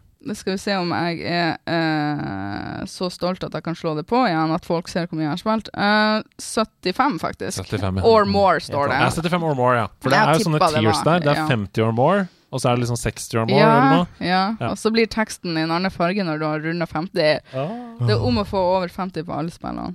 Ok, Absolutt. Ja, Og så har vi. Pokémon Legends Arceus, og så har vi Xenoblade Chronicles 3, og så har vi Skyrim. Det er fantastisk. Eh, Very det er good. en veldig veldig bra ha-med-dag, men den er ikke over her. Hæ? And Andreas, hvorfor, hvorfor går du i sekken din nå? Hurra for deg som fyller ditt år, ja, deg vil vi gratulere. Alle i ring og kring. Du har bursdag! Her er gave til deg på Tusen ha-med-dagen! Tusen takk. Gratulerer. Oi, så søt pakke. Jeg holder nå altså en brun pakke. Ser ut som du har pakka den inn. Ja. Gratulerer med dagen, Irene. Klem fra alle oss i nerdelandslaget. Hjerte. Vær så god. Skal jeg bare åpne den? Selvfølgelig skal du åpne den. Når du er på, hos oss på bursdagen din, så Ja. må du selvfølgelig få gave. Har dere hatt bursdagsfeiring her før? Aldri. Aldri. Eller både jeg og Stian har på en måte fått gave, men vi har ikke hatt bursdag på dagen. Nå skjønner jeg at i stad dere, dere så lurt på hverandre når jeg sa at Twilight Princess var en S-tier. Det jeg holder nå, er en mangabok. Er det det det heter? Manga. Ja. Ja. Sånn japansk som du blar bakvendt. Eh, med Selda Twilight Princess. Her, Zelda Twilight Princess, hold den opp til kamera! Eh, Men det er bok én Ja, av ja, ja. typ sånn ti eller elleve. Fantastisk. Gratulerer med dagen. Fantastisk. Gratulerer. Tusen, tusen, Kan du sette tusen deg på takk. flyet på vei hjem igjen og Absolutt. lese om Links eventyr? Jeg har én ting til med som eh, jeg kan si en ta med deg i dag. Her har vi eh, et Selda-skjold. Du har rundt halsen! Ja, Så men har det du skjoldet til Link, og du har en tatovering av The Master Sword! fordi jeg trengte det til mitt Master Sword-tatovering. Du har jeg, mastersword på armen og skjoldet rundt halsen. ja, Og nå har du da er jeg beskytta, liksom. og nå har du mangaen på bordet. Ja. Og med det kan vi gå videre i podkasten. Tusen takk for en nydelig, nydelig ha med-dag. Vi går videre. Vi skal videre.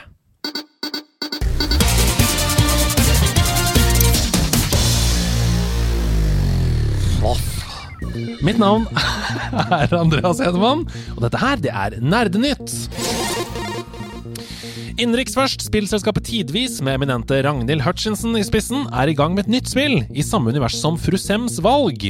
Nevnte visual novel-spill Frusems valg, som vi har snakket om i nederlandslaget tidligere, vant tre priser under den norske prisutdelingen Spillprisen tidligere i år, og var med andre ord et av fjorårets beste norske spill. I Tidvis sitt nye spill er handlingen satt til gamle Kristianias dystrere bydeler. Spillet har fått navnet The Desperate Search, med undertittelen Knives, Lies or Kindness, og lover med andre ord også her en forgreining i historielinjene der hvor valgene dine får konsekvenser. Også denne gangen benytter selskapet seg av Kickstarter for å få på plass finansieringen, så søk opp The Desperate Search på Kickstarter, og følg kampanjen, så får du alle nyheter når den er live. Vi skal ut av landet utenriks. Summer Games Don't Quick avsluttet søndag nok et fantastisk maraton med speedrunning, og årets utgave var som vanlig en fest. Med masse strålende speedruns som GTA San Andreas, Pokémon Scarlet, Elden Ring og Breath of the Wild i blinde! Samlet gamere over hele verden inn over 2,2 millioner dollar til Leger uten grenser, og med den ufattelig svake kronekursen, ja, så er det nesten 25 millioner kroner det, til et veldig godt formål. Vi gratulerer! Yuji Naka, en av de to originale skaperne av Sonic the Hedgehog, har vært i hardt vær de siste årene, og denne uka er intet unntak. Spillutvikleren ble nemlig tiltalt i det japanske rettssystemet for innsidehandel, og dømt til to år og seks måneder ubetinget fengsel for dette.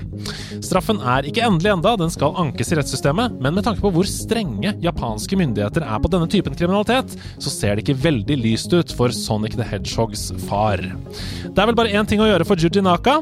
Gotta go fast! Ah, pent. Komme seg ut av landet og gjemme seg i Qatar, Saudi-Arabia eller et annet land som ikke har utleveringsavtale. Og så skal vi snakke litt mer enn at dette bare er sånn bullet-overskrifter. Nå tar jeg dere inn i sendingen, Oi. eh, gutter og jenter. For Apple avslørte i går sin største nyskapning på mange år. Nemlig eh, AR slash VR-headsetet Apple Vision Pro. Vision Pro det er eh, altså en sømløs sammenblanding av virkeligheten og innholdet du ser på. Det er et slags VR-headset hvor man også, du kan også skru av og på om folk ser øynene dine gjennom headsetet eller What? ikke. Ja, det er ganske freaky. Headsetet det sikter seg inn på det som kalles prosumers, altså brukere som kan bruke headset i jobbsammenheng. Eh, teknisk sett, så altså, det, er, det er et mye bedre headset. Det er ikke for folk flest, liksom. Det er hvis du skal bruke det jobb, først og fremst. Det er det de sikter inn på. Teknisk så er dette ganske langt foran alle andre konkurrenter, for innvendig i headsetet så sitter Apples M2-brikke. Og den brikken den sitter jo i Macbook Pros. mm. Så at den sitter i et headset, det sier jo litt. Eh, Para med en helt ny Apple-brikke som heter R1. Jeg skulle bare si R1 for å vise at jeg vet det. Ja, du er med, liksom? Ja, ja. Dette headsetet har tolv kameraer rundt omkring. Det har fem sensorer, eh, blant annet en LiDAR, altså sånn eh, laser som kan måle avstand og sånn, Oi. og seks mikrofoner. Og den skal ha null forsinkelse. Det skal ha rett under 5K oppløsning per øye. Og det er en firedobling av MetaQuest Pro, som er den nærmeste konkurrenten. Det er ingen kontrollere til dette headsetet. Du skal bruke øynene til å velge ting. se, se deg rundt, og så velger du med øynene, liksom. Headsetet ser dette inni. Og så kniper du med fingrene ut i lufta What? for å velge. Så du tar på Er det det du velger. Nei. Mm. Um, og så er det et flikk med fingrene ut i lufta som scroller opp og ned. Som om du scroller på en mousepad.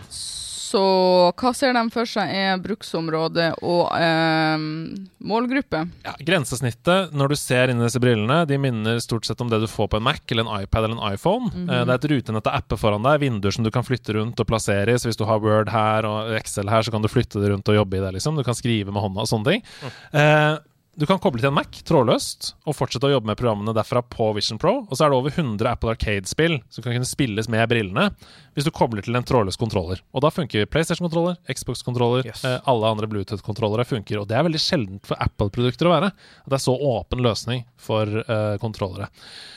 Apple hevder selv at Vision Pro skal være det beste produktet i verden når det kommer til å spille av og se på 3D-film. Det skal være det absolutt beste måten i verden å gjøre det på. Har dere lyst på dette produktet? Nei. Nei. Har du lyst på det, altså? Jeg har jo lyst på det, eh, men når det koster 3500 dollar, så har jeg ikke lyst på det i Å, det hele tatt. herregud. Så altså, jeg Sikkert utrolig chill på flyet og sånn, sitte og se på film og jeg vet da f- pokker, men eh, ja. Det ser, det ser så rart ut. Altså, Ja. eh, Man ser så himla rar ut, særlig når man kan da se liksom, øynene gjennom og sånn. Eh, jeg Ja. tror Steve Jobs snur seg i graven. Sånn designhode Steve Jobs. Det som er, er at dette har jo bare to timer batteritid. Så det er What? åpenbart ikke meningen å bruke utenfor huset. De, de tenker at det skal være kobla til strøm, og så skal du bruke det når du jobber, enten på jobb eller hjemme hos deg selv. Altså Men- Du skal kunne jobbe med det, som gjør jobbing mer effektivt. Mm. Vet du hva, jeg kan si med en gang at det der blir en flopp. For det første, har dere hatt VR-headsets på dere i mer enn to timer i strekk? Det gjør så vondt Ja. i hodet. Du vil ikke ha det på deg. Ja, Du blir, du blir Apple-versjon, da. kjempesliten. Kan hende at dette Ja, er men ikke så Apple, slitsomt. hallo. Ja. ja, men headsetet deres, for eksempel, Max Pro eller noe sånt, er jo veldig behagelig. Ja, Så det kan ja, hende at de har brukt det av dette. Eh, for det andre, jeg tror ingen har lyst til å arbeide i VR. Fordi Nei. at hvis du skal skrive en e-mail, eller gå gjennom jobb-e-mailen, eller hva det enn du Mm. driver med, så er det mer behagelig å sitte med en laptop. Mm. Eh, og så kommer vi til gaming-biten, da. Hvordan spill er det de tilbyr? Ja, det er jo enn så lenge Apple Arcade-spill, Mhm. så det er jo da basically mobilspill. Og, Eh, og price pointen 35 000 kroner, med andre ord. Mer enn det. Eh, Vision, Pro koste. Vision Pro kommer til å koste nærmere 40 000 i USA. Faktisk Eh, forferdelig. Og med norsk moms i tillegg så snakker vi nærmere 50 000 kroner Mm. i Norge. Ingen blir å kjøpe det. Du kan kjøpe en dritbra TV for det. Mm, Men, Ingen blir å men folkens, nå må dere eh, bremse litt. Okay, yes, yes, yes. Yeah. En gang i tiden så kosta en 50-tommers plasma-TV, da det kom, 50 000. Mange, inkludert Rune Fjell Olsen i Level Up, kjøpte det til 50 000 da det kom, Oi. for å ha hjemme. Vi må se på dette produktet sånn som vi ser på klokker. Eh, altså Bjerke, Norges største eh, urforretning, utvider nå til en enorm butikk på Karl Johan, fordi det er sinnssykt mange som kjøper seg klokker. Ja. Ikke sant? Og de kjøper seg ikke en klokke til 50 000. Altså Folk kjøper seg klokke til 100 000, 150 000. Og de kjøper seg ikke den for å se på tiden, Nei, for de har det. mobiltelefon. Ja. De kjøper seg fordi det er et slags statussymbol, Statement piece. eller et smykke. Eller noe de er glad for, noe som menn kan gå med, fordi vi har ikke så mange smykker som kvinner har, f.eks. Jeg tror at de kommer til å selge flere av dette headsetet enn dere tror. Tror du Og jeg Skal tror vi du, kommer til å selge like mange som jeg tror. Ok. Nei, men jeg, jeg, jeg tror ikke dette er for folk flest, på en måte. Jeg tror ikke de som i dag har en Mac, en helt vanlig Macbook, tenker nå skal jeg erstatte Macbooken min med dette. Jeg tror de samme som kjøper seg eh, PlayStation 5 Pro med samme dag den kommer, selv om de har PlayStation 5, Ja, jeg tror det er de som kjøper seg dette. det er målgruppa. Ja. Men, men er, det, er, det, ja. er det det vi vil? Eller er sånn Jeg vil ikke ha det. Nei, nei. Jeg bare sånn, jeg kunne ikke ha bare laget et headset som litt flere folk kunne kjøpe? Jeg bare ja, jeg er helt enig i det. Det Men syns jeg er rar vei å gå. Det er veldig sånn elitetankegang. Ja. Og det har jo ikke vært Ja, de har jo alltid hatt dyre produkter, Ja. men, men eksempel iPod Nano, da. Mm. Eller, eller liksom iPod Touch og sånn. Det har jo vært billige Mm. eh, innstegsmodeller. Ja, jeg liker Mm. når de er litt mer inkluderende, så ikke sånn at du har ikke råd til det her, så du får, Mm. du får ikke Altså, jeg jeg, så, jeg liker mer inklusivitet At Ja, ja. price pointen blir pusha mye mer ned. Mm. jeg så på den avsløringen eh, Altså fra da scenen, og med publikum foran og sånn.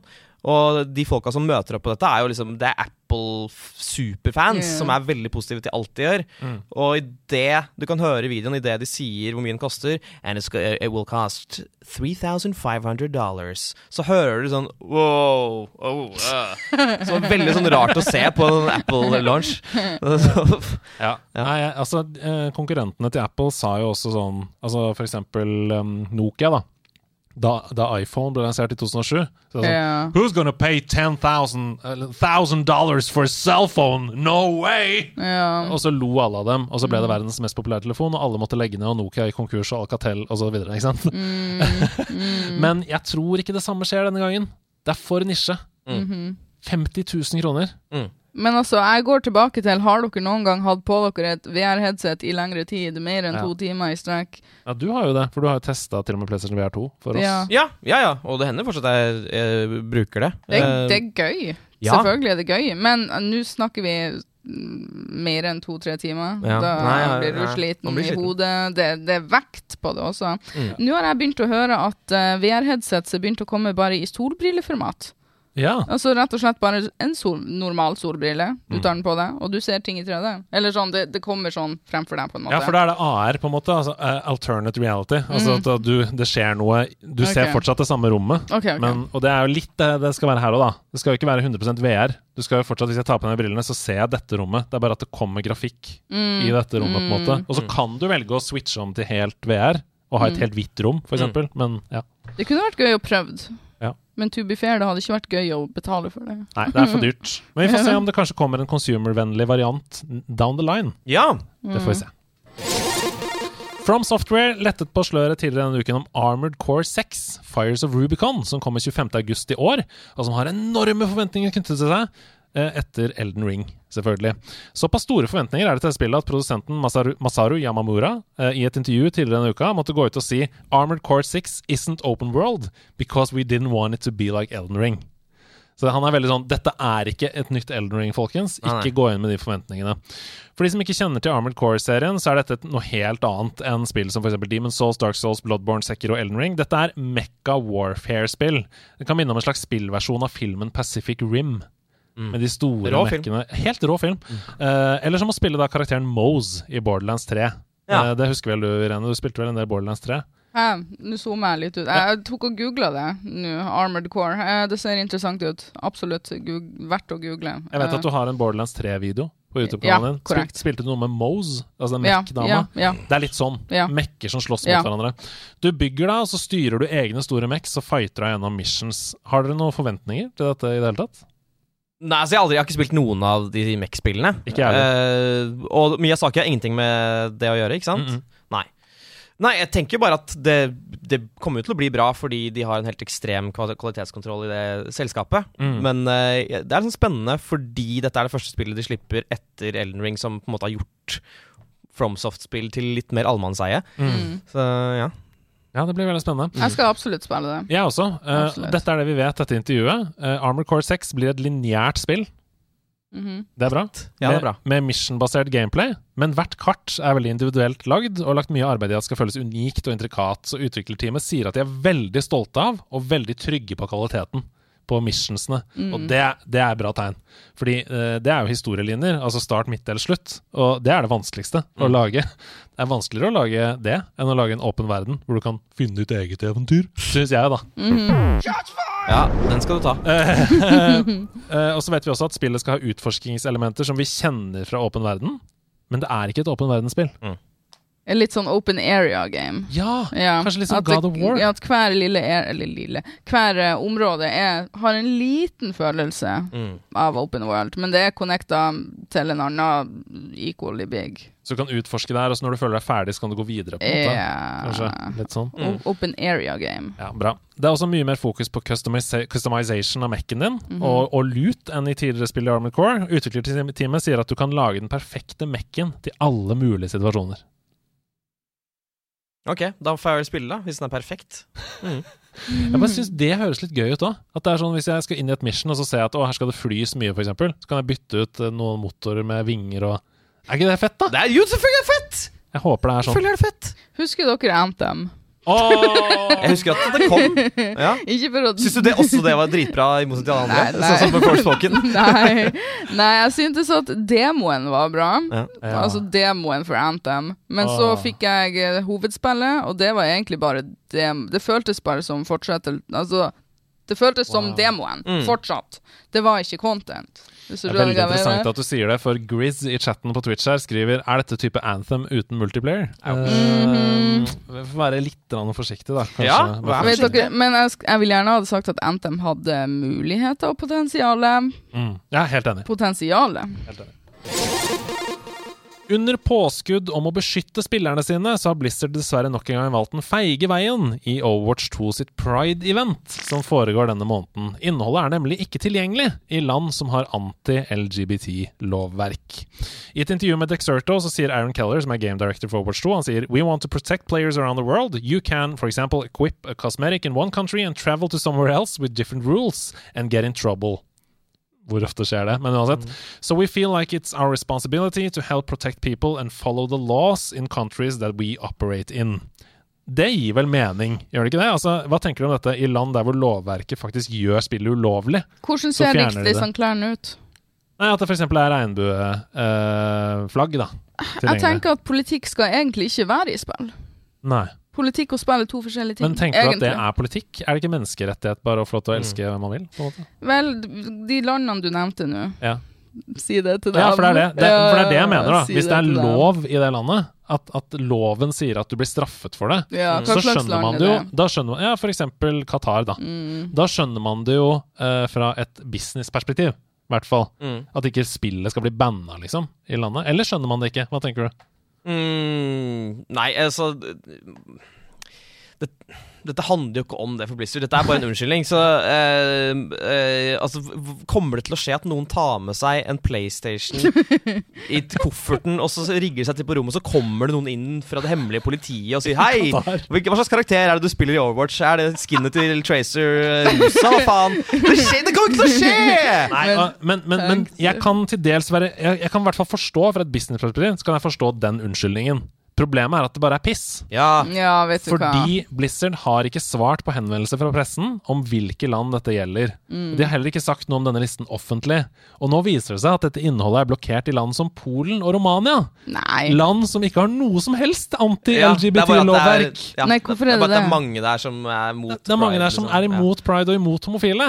Så det er, det er bare land som har ræva holdninger. Med andre ord, dette handler 100% om penger og omdømme. Ikke noe annet enn det. Det handler ikke om å beskytte spillerne pga. lovverk. Det handler om at å nei, i Polen så er de kritiske til homofili, da vil vi ikke være der. Altså, det, det finnes homofober der ute. Dessverre. Ja, ja. Vi, vi er fullstendig klar over det. Ja. Jeg syns det er så synd. Ja, det er Egentlig fra ende trist. til annen. Drittrist. Dritsynd. Det er en Og, bruker og, og at det, det ødelegger også spillglede. Nei, det ødelegger så mye. Med at sånne her overskrifter skal komme og ta over spillgleden, for det er ikke det, Altså, jeg liker å tro at vi spiller spill fordi at de er gøy. Ja, Det er en bruker som heter Nuance Discussion, som jeg syns skriver det veldig bra på Reddit. Eh, vedkommende skriver It's only ever about money. Pride events are good PR in certain countries, yet they hide it in Middle Eastern countries, Poland, Romania, etc. You know, where LGBTQ communities actually needs exposure. Som er jo sant. Hvis de hadde pusha det i de landene, så hadde kanskje mange som føler at de må gjemme seg til vanlig, følt at noen så dem, da. Ikke sant? I de landene. Because they would lose money doing it there. They don't care about any political or social issue. They just care about money. Trist. Trist, trist. Trist. La oss snakke om noe mye koseligere. Ja! For Summer Game Fest de kicker i gang denne uka. her Masse deilig spillinnhold. Det er erstatningen for E3, som jo er lagt ned. Eh, og vi har plukka ut noen av de pressekonferansene og showene som vi mener er verdt å få med seg. Og Først ut er eh, Summer Game Fest i seg selv. Hovedshowet 8. juni klokka ni. Eh, det er på en måte E3 samla i én forestilling. Det er 40 spillstudioer som skal vise fram sine spill. Er vi hyped, eller? Om vi er hyped, ja! Å ja. Og så er det 9. juni, Devolver Direct. Uh, Devolver Digital er jo et helt sjukt Ja, alt Alltid gøy når de har uh... Altså I forrige pressekonferanse så ble hun som uh, var Hun som leste opp på en måte nyhetene, hun ble drept underveis i pressekonferansen. Wait, what? Og liksom, da. På liksom Wait, what? De bare Det var dark. Så, de gjør på en måte sånn narr av hype hypemeteret. En annen ja. forestilling så var det sånn at hypemeteret Det hypa så mye på den personen som at hun eksploderte. Det, er, det er veldig gøy. Eh, 10. juni klokka seks er det Wholesome Direct. Det er så koselig. Det er en gjeng med indiespillutviklere som har slått seg sammen og kjører en slags Nintendo Direct-sending, hvor det bare er fokus på koselige spill. Mm, cozy games. 10. juni klokka 6. 11. juni, det kanskje alle ser mest fram til. 19. juni, Xbox Games Showcase. Å ja, de har mye som kommer. Det er, Det kommer den, mye!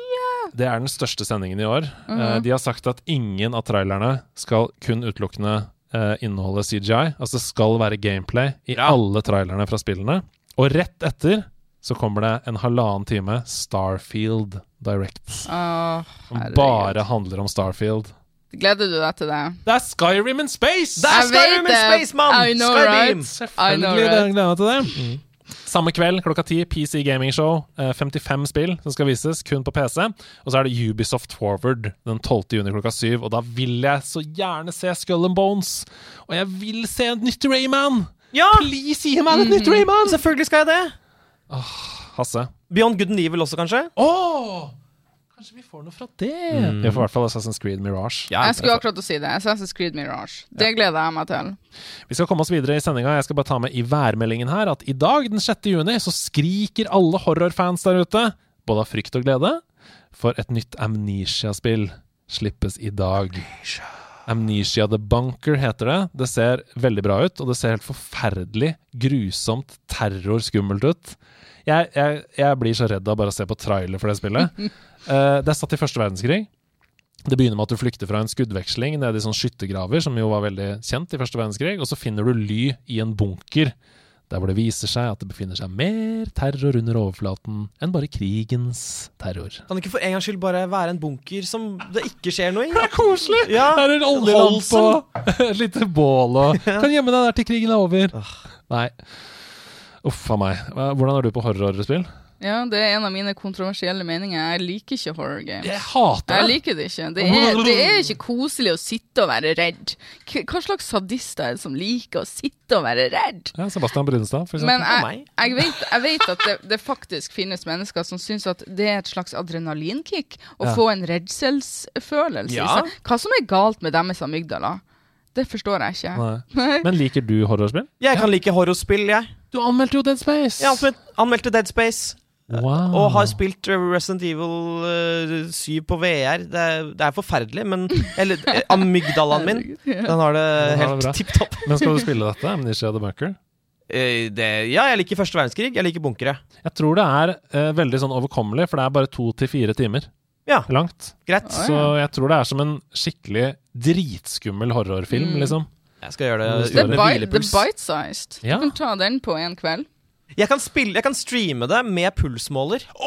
Ja! Er det tidenes idé, eller? Ja! Da må ikke du love noe som folk har lyst på. Jeg må aldri love! Ja, jeg har så lyst til å se den streamen. Mm. Fluff. Mitt navn er Andreas Hedemann, og dette her, det var Nerdenytt. Anmeldelse i nerdelandslaget. Og det danses i studio, for alle syns denne jinglen er utrolig vakker. Takk til deg, Fark, som har laget den. Jeg har anmeldt uh, We Love Katamari Reroll, og det, det syns jeg var kjempegøy. Uh, la oss høre på hvordan det var.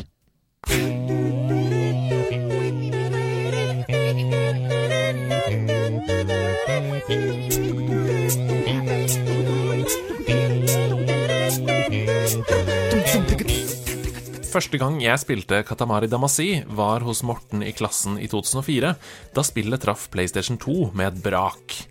Og siden spillet ikke kom ut i Europa før i 2018, så veit jeg ikke hvordan Morten fikk det til å funke på sin PlayStation, eller hvordan han i det hele tatt hadde fått tak i det, men den historien får bli en sidequest en annen gang. Det jeg derimot husker, er hvordan vi lo og lo og lo og rulla rundt på gulvet til Morten, akkurat sånn som Katamari-ballen vi styrte, i takt med at den vokste seg større og større.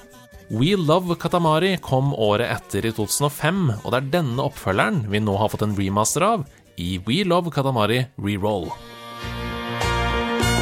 Mr.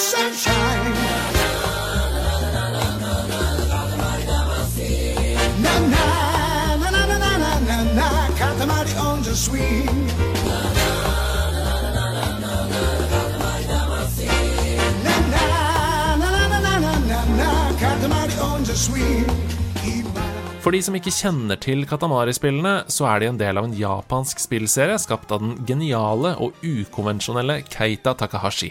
I serien så kontrollerer du en ung karakter kalt The Prince, som på varierende måter er nødt til å hjelpe sin far, The King of All Cosmos, med å fylle verdensrommet med stjerner og planeter. Og dette gjør du ved å bruke en ball som kalles en katamari, til å rulle opp gjenstander. Den katamarien den kan feste seg til gjenstander som er mindre enn seg selv, litt som det forhåndshypede konseptspillet Spore, hvis dere husker det, eller som internettfenomenet agar.io, eller Agario, da, som folk kaller det. Når ballen har blitt stor nok, så kaster The King of All Cosmos ballen ut i verdensrommet og skaper en ny stjerne eller en planet. Jeg har kun tidligere spilt Katamari Damacy i Katamari-serien, og derfor så kan jeg ikke si så mye om forskjellene på We Love Katamari-originalen og denne remasteren.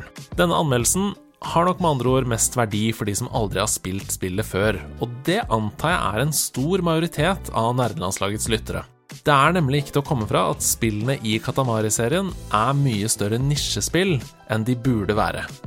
For We Love Katamari er helt utrolig gøy.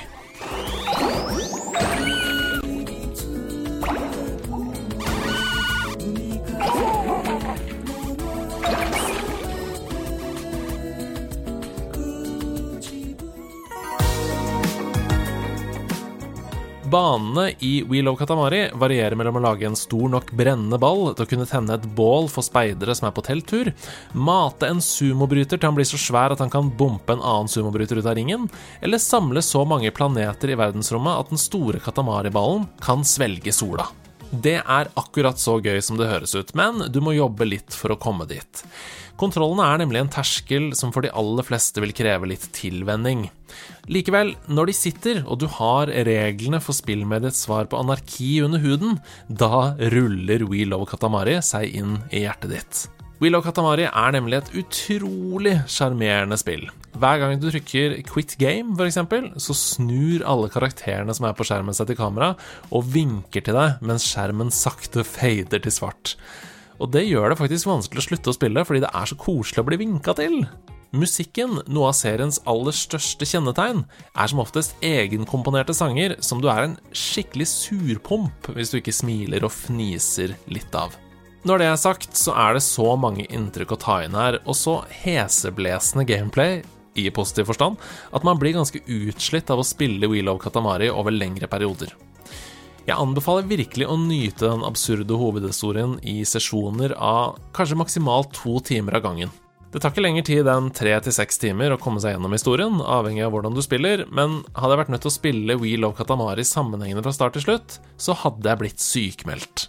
Det er rett og slett litt som napoleonskake, det beste som fins i ett stykke, men til å kaste opp av hvis du spiser en hel form. Når det er sagt, så er ikke spillet over når du er ferdig med hovedhistorien. Det er mye mer innhold å ta av, og en herlig multiplayer-modus å begi seg ut på med vennene sine, så dere kan rulle rundt på bakken sånn som Morten og jeg gjorde for 20 år siden.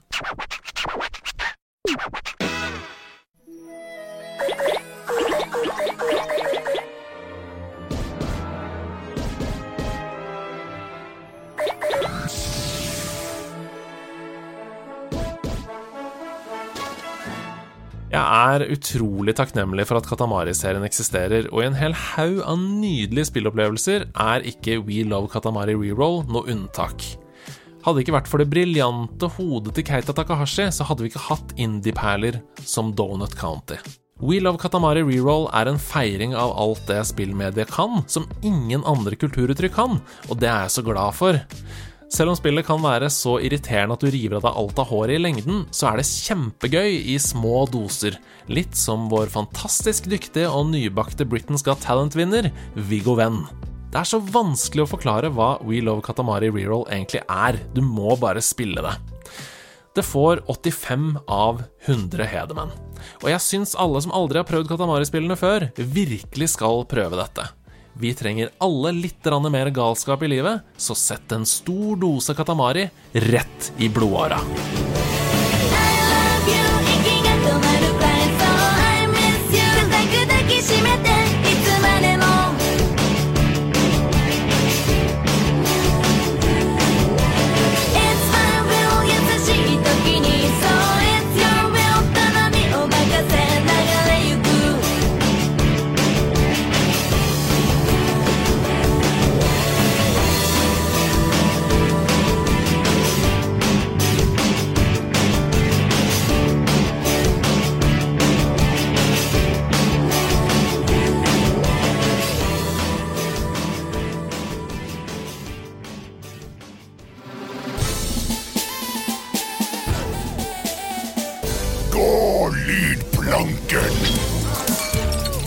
Din lille pirat i Nord-Norges Kjuttaviga!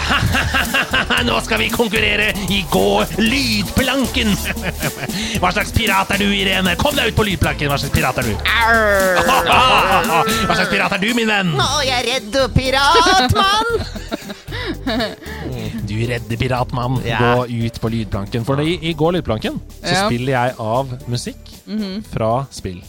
Og dere skal rope navnet deres når Ja. dere vet hvilket spill okay, okay. vi skal til. Så.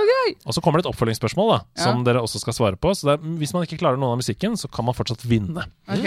Her kommer det første spillet. Rop ut navnet når dere vet hvilket spill vi skal til. ok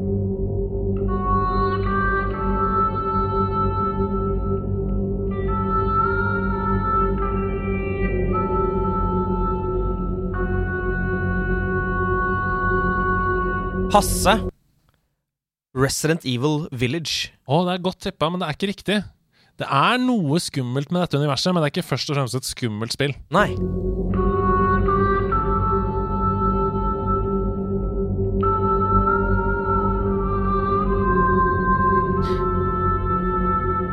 Ikke minuspoeng av å gjette, så du kan bare gjette. Irene. Du må si navnet først. Ja, ok, Irene. Ja. Eh, kan jeg stille deg et spørsmål? Hvor gammelt Hvor Å gammelt- ja! gammelt er det spillet 20, kanskje sånn 2010-2011? Oi! Å ja, vi er der baki. Ah, ja. Er det et Assassin's Creed-spill? Nei. Nei. Men hør på vokalen.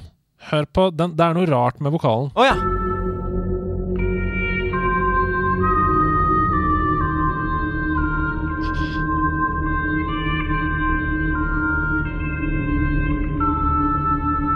Hasse. Ja. Arkham Asylum. Nei, men Jeg bare tok det på årstallet. Vi er inne i et slags øh, Vi er inni et slags en fa facility. Det er vi.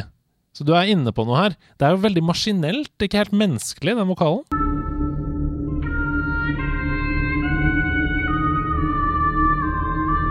Jeg tror ikke det finnes. Dette sitter ikke. Nei, Dette er Portal 2.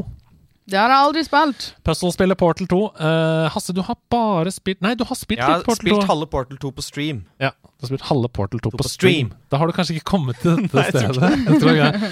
Ok, uh, her kommer oppfølgingsspørsmålet. Det er null poeng i første runde. Hva heter AI-en som blir introdusert i Portal 2?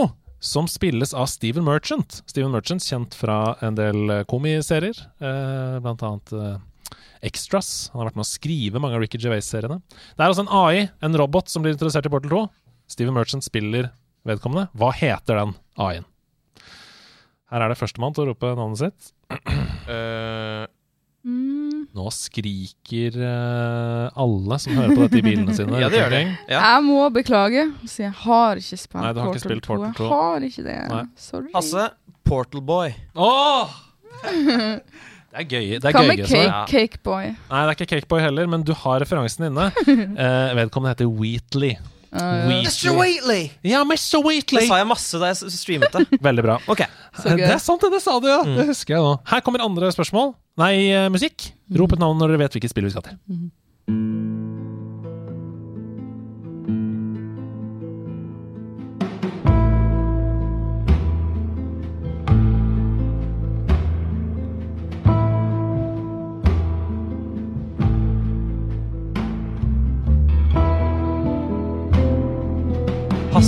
Svarer Red Dead Redemption 1. Det er riktig! Wabada! Wabada! 1-0. Har du spilt eh, Red Dead? Nei, men fy faen, hvor fin musikk det var. Ja, uh. Mhm. Red Dead Jeg har 1. spilt toa lite grann, ja. det Ja. har jeg, men jeg kommer ikke så langt i det. Ene har jeg aldri spilt, faktisk ikke. Nei. Men jeg vet at jeg bør. Det kan hende du kan klare dette likevel. Mhm. Eh, Det er jo en eh, person som heter John Marston, Mhm. som også er til dels, i hvert fall refereres til. Han er, han er med. i, i, ja. Eh, hvilken, og her skal dere bestemme dere for et svar, så er ikke førstemann til å rope.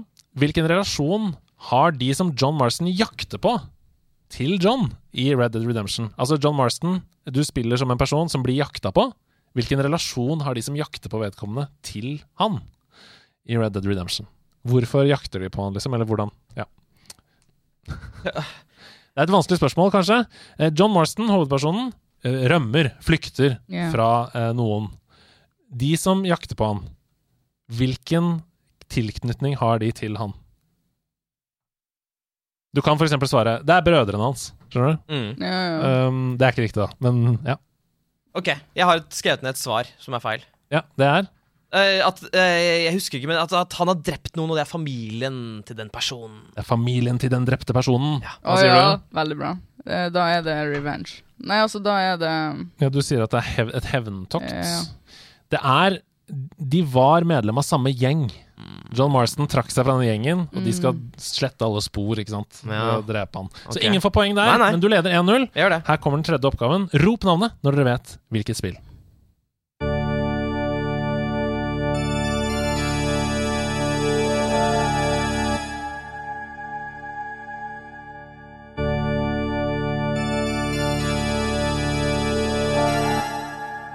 Hasse. Castlevania. Nei, da må du være stille litt.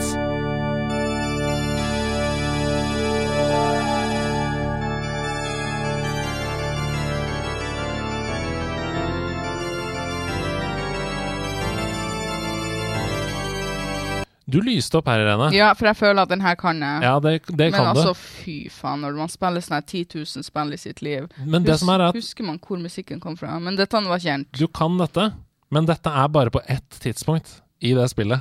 Er det det? Ja, Nei, men det hørtes usedvanlig kjent ut. ja. og det er det. Fordi Right. dette, dette, dette øyeblikket gjør inntrykk.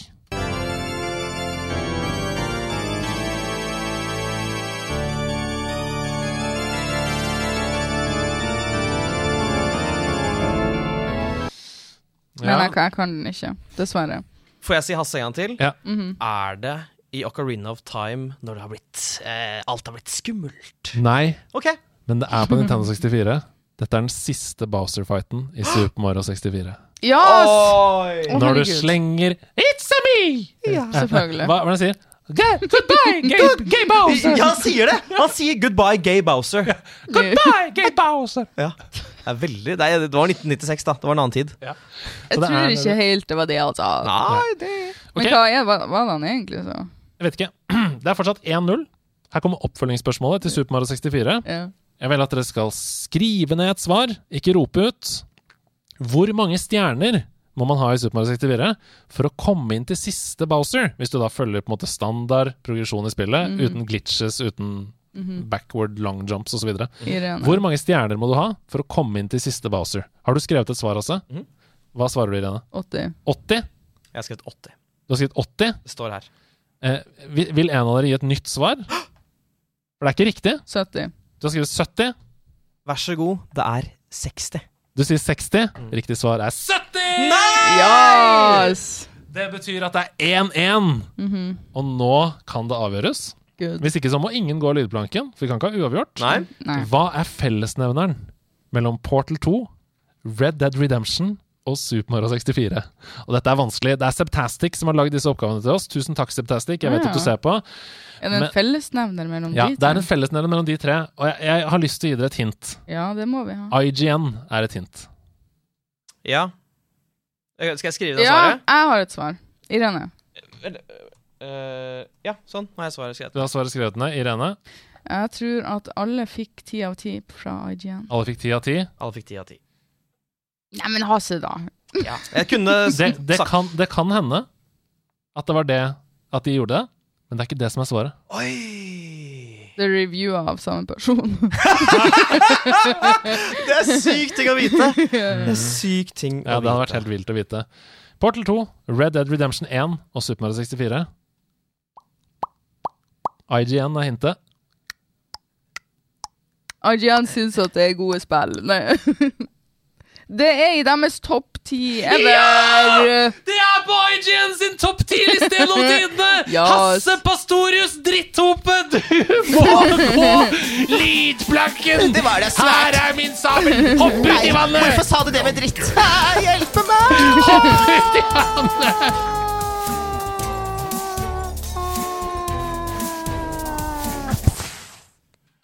Veldig bra, Hasse. Veldig høy båt. Vi har utrolig Det er som Vasaskipet. Ja. Det er en kjempehøy båt. Utrolig bra, Hasse. Uh, gratulerer, Irene! Ja. Du vant Gå lydplanken! ja, tusen takk. Hva gjør jeg nå? Du, du dokumenterer det for ettertiden at du vant lydplanken. Nå filmer jeg en liten snutt som jeg skal bli og putte på Instagram Stories. Perfekt. senere. Ja, thank you. Well, actually, surely what you're saying is a balderdash of ox's feces, sausage tissue, urine talk. On, on the contrary, no, no, De nerde strides. De nerde strides ofte i nerdelandslaget, og du har jo på en måte lagt opp til dette gjennom hele episoden. Du har sagt 'Jeg har forberedt en hel rekke Jeg har det. med kontroversielle meninger'. Elsker når du slår om til nordnorsk. Ja, og det er kun av respekt. jeg, er, ja, det jeg er det, hater min egen bokmålsdialekt. Jeg skulle ønske jeg hadde en dialekt. Jeg syns det er mye finere Skulle enn å snakke bokmål. det? Ja, jeg snakker jo bare sånn som det står i bøker. Det er veldig irriterende. Uh, hva har du tatt med av kontroversielle meninger? Ja, jeg har til og med skrevet det ned. Uh, skal vi se. Eh, jeg liker ikke horror games. Den har jeg allerede Ja, sagt. Den har du smelt i bordet. Og vi har fått bakoversveis. Vet du hva? Vet du hva? Vet du hva? Vi har vært igjennom nesten alle de sånne punktene allerede. Okay. For det viste seg at det var mange ting jeg hadde som kontroversielle meninger. Ja. Men eh, jeg kan si en. Jeg har aldri vært fan av slåssespill. What? Hva er det du driver med?! Yes! Akkurat nå som verdens beste slåssespill, Street Fighter 6, har kommet! Jeg vet det. Hva? Så da, da, jeg vil si at jeg uh, scorer høyt her nå på faktisk uh, upopulær mening, da. Ja. Fordi du er veldig glad i Ja. Jeg digger eh, Street Fighter, Tekken, Virtua Fighter på Sega Saturn. Jeg har aldri vært glad i det. Kan ikke du fortelle hva du syns er bra med det først? altså? Det er enkelt og greit. Det er uh, Du kan To som ikke kan noe om uh, slåssespill, kan sette seg ned og bare trykke på knapper, og så er det gøy. Og det er ofte dypt, sånn at du kan liksom bli god i det og lære deg sånne kule komboer og sånn. Så det, er, det- funker for alle. Unntatt- unntatt deg. Ja, Jeg, sy jeg det? syns også det er veldig restrictive. Det er så sidescrolly restrictive, og du progresserer ikke noe, sånn som i en, for i en RPG. Okay. Jeg føler ikke progresjon. Jeg føler at jeg er, jeg, st jeg er fastlåst i en sidescroller hvor jeg blir mosebanka. Og jeg ser ikke meninga med det. Ja. Dessverre. Men det sagt, jeg var veldig veldig glad i uh, Soul Calibur 2 på GameCube. Ser du. Fordi ser at den hadde RPG-elementer i seg. Husker du det? Nei. Det var sånne kart Men er det det, da? Er det det at du føler at for eksempel du kan oppgradere karakteren din? Jeg vil din? føle progresjon. Ja. Det er en følelse jeg vil ha. Hva med progresjonen inni deg? Du utvikler Nei. deg som fighter. Drit i Du det. driter i det. Men, så du liker ikke typ FromSoft-spill, da? Sånn som Bloodborne og Elden Ring og sånn? For det er jo Jeg elsker Elden Ring, men Ja. nei, jeg liker ikke bossfightsene i det. Det jeg likte i Elden Ring, det var faktisk å bare fjase rundt på egen hånd. Ja. Vet du hva, Spillet hadde lyst til at du skulle gå nordover til hun der han er Hva var det hun het? Hun heter Ja. ikke Greta. Hva var det? hun- Margit. Ma Margit. jeg husker det var et norsk navn. Margit. Eh, men jeg gikk sørover. Ja. Mhm. Ja, Altså, jeg det- jeg Det har du gjort hele livet. Ja, går Gått sørover fra Harstad og Fordi jeg var så langt nord at det måtte bare bli sør. Nei. Nei, men jeg skjønner det. Eh, den følelsen vi snakker om, er jo at når du mestrer det, så føler du at du har blitt bedre selv. Og så kan du overføre det til neste bossfight òg, eksempel. Mm. Jeg vet det. Jeg har sett mange videoer om liksom hvorfor Elden Ring har blitt så populært som det, og hvorfor folk var så glad i Dark Souls-spillene. Altså alle Mm. de supervanskelige spillene. Det var fordi at de sjøl måtte bli get good. Nettopp. Ja, jeg forstår følelsen. Nei, men du hater slåssespill. Uh, er det noen andre kontroversielle Jeg meninger du hater har? eh, Jeg bare, bare- hater det. jeg bare drar på, jeg. Ja, ja. Mm, jeg har nevnt at jeg syns Switch begynner å bli en skikkelig utdatert konsoll. Mm. Helt syns ja. ja. Syns du den er tung? Uh, nei, Hvis, hvis du ligger i Nei, men jeg syns den er tung, nemlig. tung som fysisk tung. Ja, altså, som, som i Oi, den veier mye. Ja, og ikke, som, ikke når du sitter sånn, men hvis du ligger i senga på Ja, kvelden sideways og holder den over hodet oh, ja, ditt, for sånn ja. Du blir sliten. Hvis du ligger på rygg, og du holder den opp sånn, vet du hva, da mister jeg blodtilførsel i den ene hånda! Ja, ene hånda! Den ene Aldri armen, det begge. er venstre, og da må jeg strekke den ut sånn som svertgamerne jeg er. Jeg bare, ah, fy faen! Er det noen som gir meg støtte på dette Ja, argumentet? og Ja. du kjenner det akkurat under albuen her. At noe har vært i klem. Hva skjedde med denne hånda her? Ja, ja. Hvis du gjør det lenge nok, så kan den hånden dø. Den blir sånn! Sånn som foreldre Mm. Ja. sa når de var små. Ikke gjør grimase, du blir sånn. Ja, nei, men da, Det var deilig. Da fikk jeg støtte på det. Ja, kult. Kult. Eh, Ville du ha flere? Nei, jeg trenger ikke det hvis ikke du har. Var det nok? Nei, Jeg, ok, jeg, men føler nok, jeg. jeg, er, jeg liker Jeg har en til jeg liker ikke, som er populær å like. Ja. Jeg liker ikke competitive games. Oh. Hei! Ja, hei, hei! Hva, men er det fordi du ikke liker det presset? Fordi jeg er egentlig ikke en konkurranseperson. Men er det fordi du ikke har konkurranseinstinkt, eller Jeg, fordi du hater å jeg, tape? tror, jeg tror jeg har ganske lavt konkurranseinstinkt, og jeg hater å tape.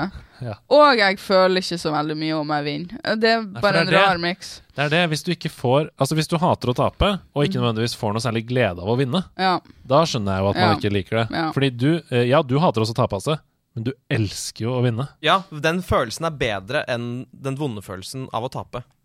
Altså, da snakker vi sånn her eh, CSGO, liksom. Hvis, eh, ja, men mest Overwatch. Overwatch, absolutt. absolutt over. Ja, det er så good! Men, men jeg elsker co-op, ikke sant? Jeg liker å spille multiplayer med venner og sånn, men da bør det være co-op, sånn som Destiny 2. Ja. Men jeg liker ikke å bli ganka. Nei, men Jeg tror vi er ganske like. Jeg liker multiplayer online-spill, men Ja. jeg liker det når jeg spiller det med andre. Jeg syns ikke det er noe gøy å spille alene. Eh, Ja. Overwatch alene, for eksempel. Det er litt sånn, da, jeg vil fortsatt prøve å kommunisere med de andre på laget. Fordi det gir meg en følelse at vi gjør noe sammen. Ja, ja, ikke at det er sånn Ja, da er det multiplayer, PVP, uh, Call of Duty. Alle andre driter i det. Det er bare deg på slagmarken. Det gir Mm. Det er essensielt å, de, å liksom ha kommunikasjon i Overwatch. Ellers så går det bare til helvete. Jeg syns du har fine meninger, jeg, Ir Irsha. Uh, holdt på å si Ircha. Ja. Ikke bra. Ikke Isha. bra. Isha. Nei, men alt går bra. Ja. Vi skal videre til de fire store, vi. Wow.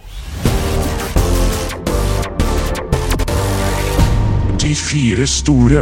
I De fire store så går det på rundgang i redaksjonen hvem av oss som lager en slags liste over fire ting vi har lyst til å forberede for de andre. Det kan være fire indiespill der du surfer i sanden. Det kan være fire karuseller på Tusenfryd der du ikke må være høyere enn 1,60 for å ta dem. Det kan være fire sukkerspinn på Thomas Tivoli som smaker jordbær. Eller det kan være fire hjul du kan ha på bilen din.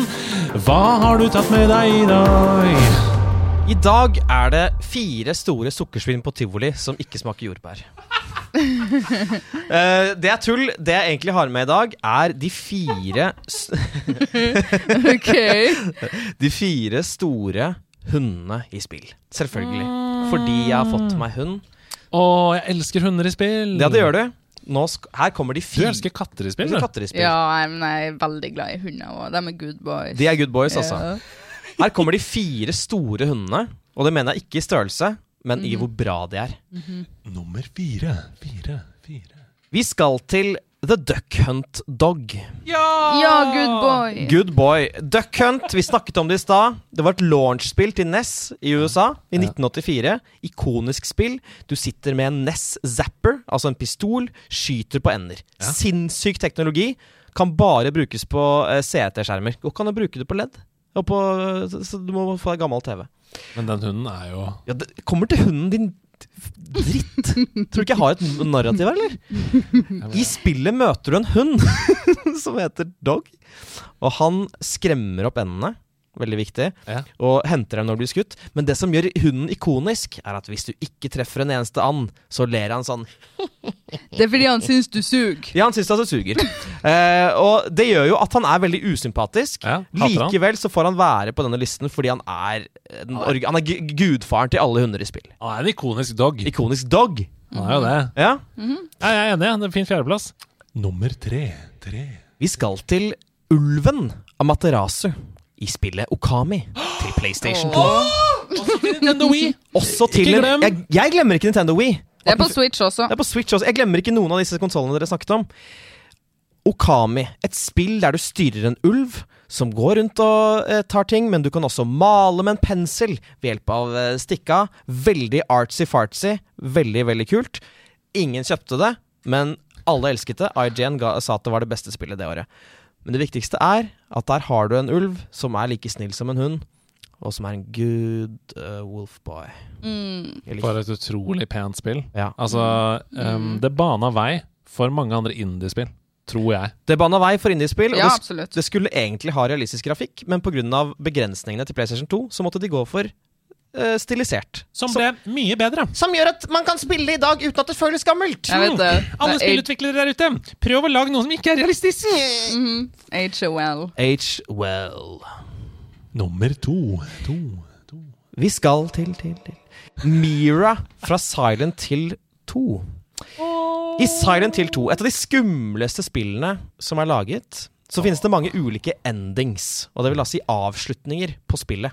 Mm. Uh, de fleste av disse avslutningene eller endingsene er ganske skumle, men en av disse endingsene er noe av det søteste som finnes, fordi du avslører at alt som har skjedd i hele spillet, alle de grusomme tingene du har sett og opplevd, de har blitt styrt av en bitte liten Shiba-hund som sitter med headphones og noen spaker bak et uh, forheng.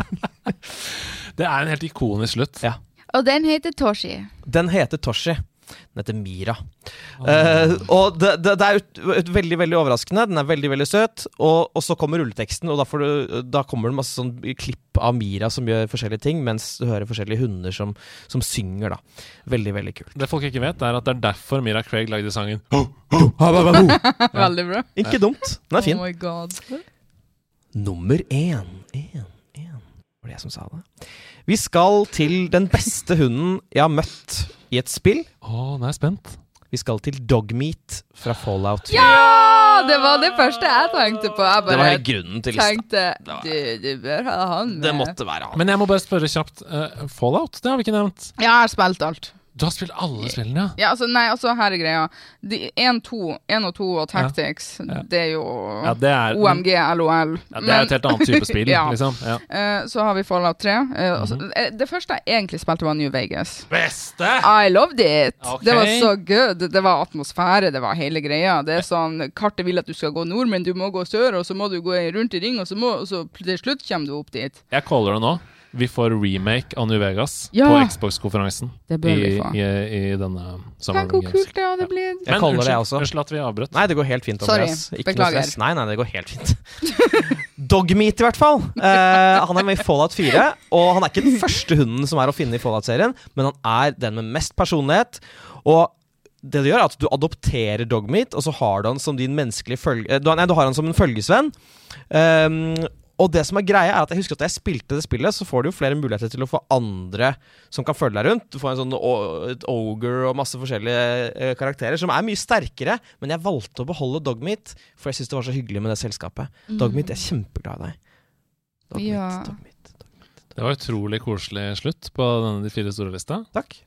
Du har blitt et bedre menneske etter at du fikk den. Ja, for jeg ville aldri klart å ha så mye varme i en topp fire-liste. Vet du hva, jeg elsker den. Den var holdsom. Den var holdsom. Mm, Takk. mm, det er veldig hyggelig at dere mm. sier det.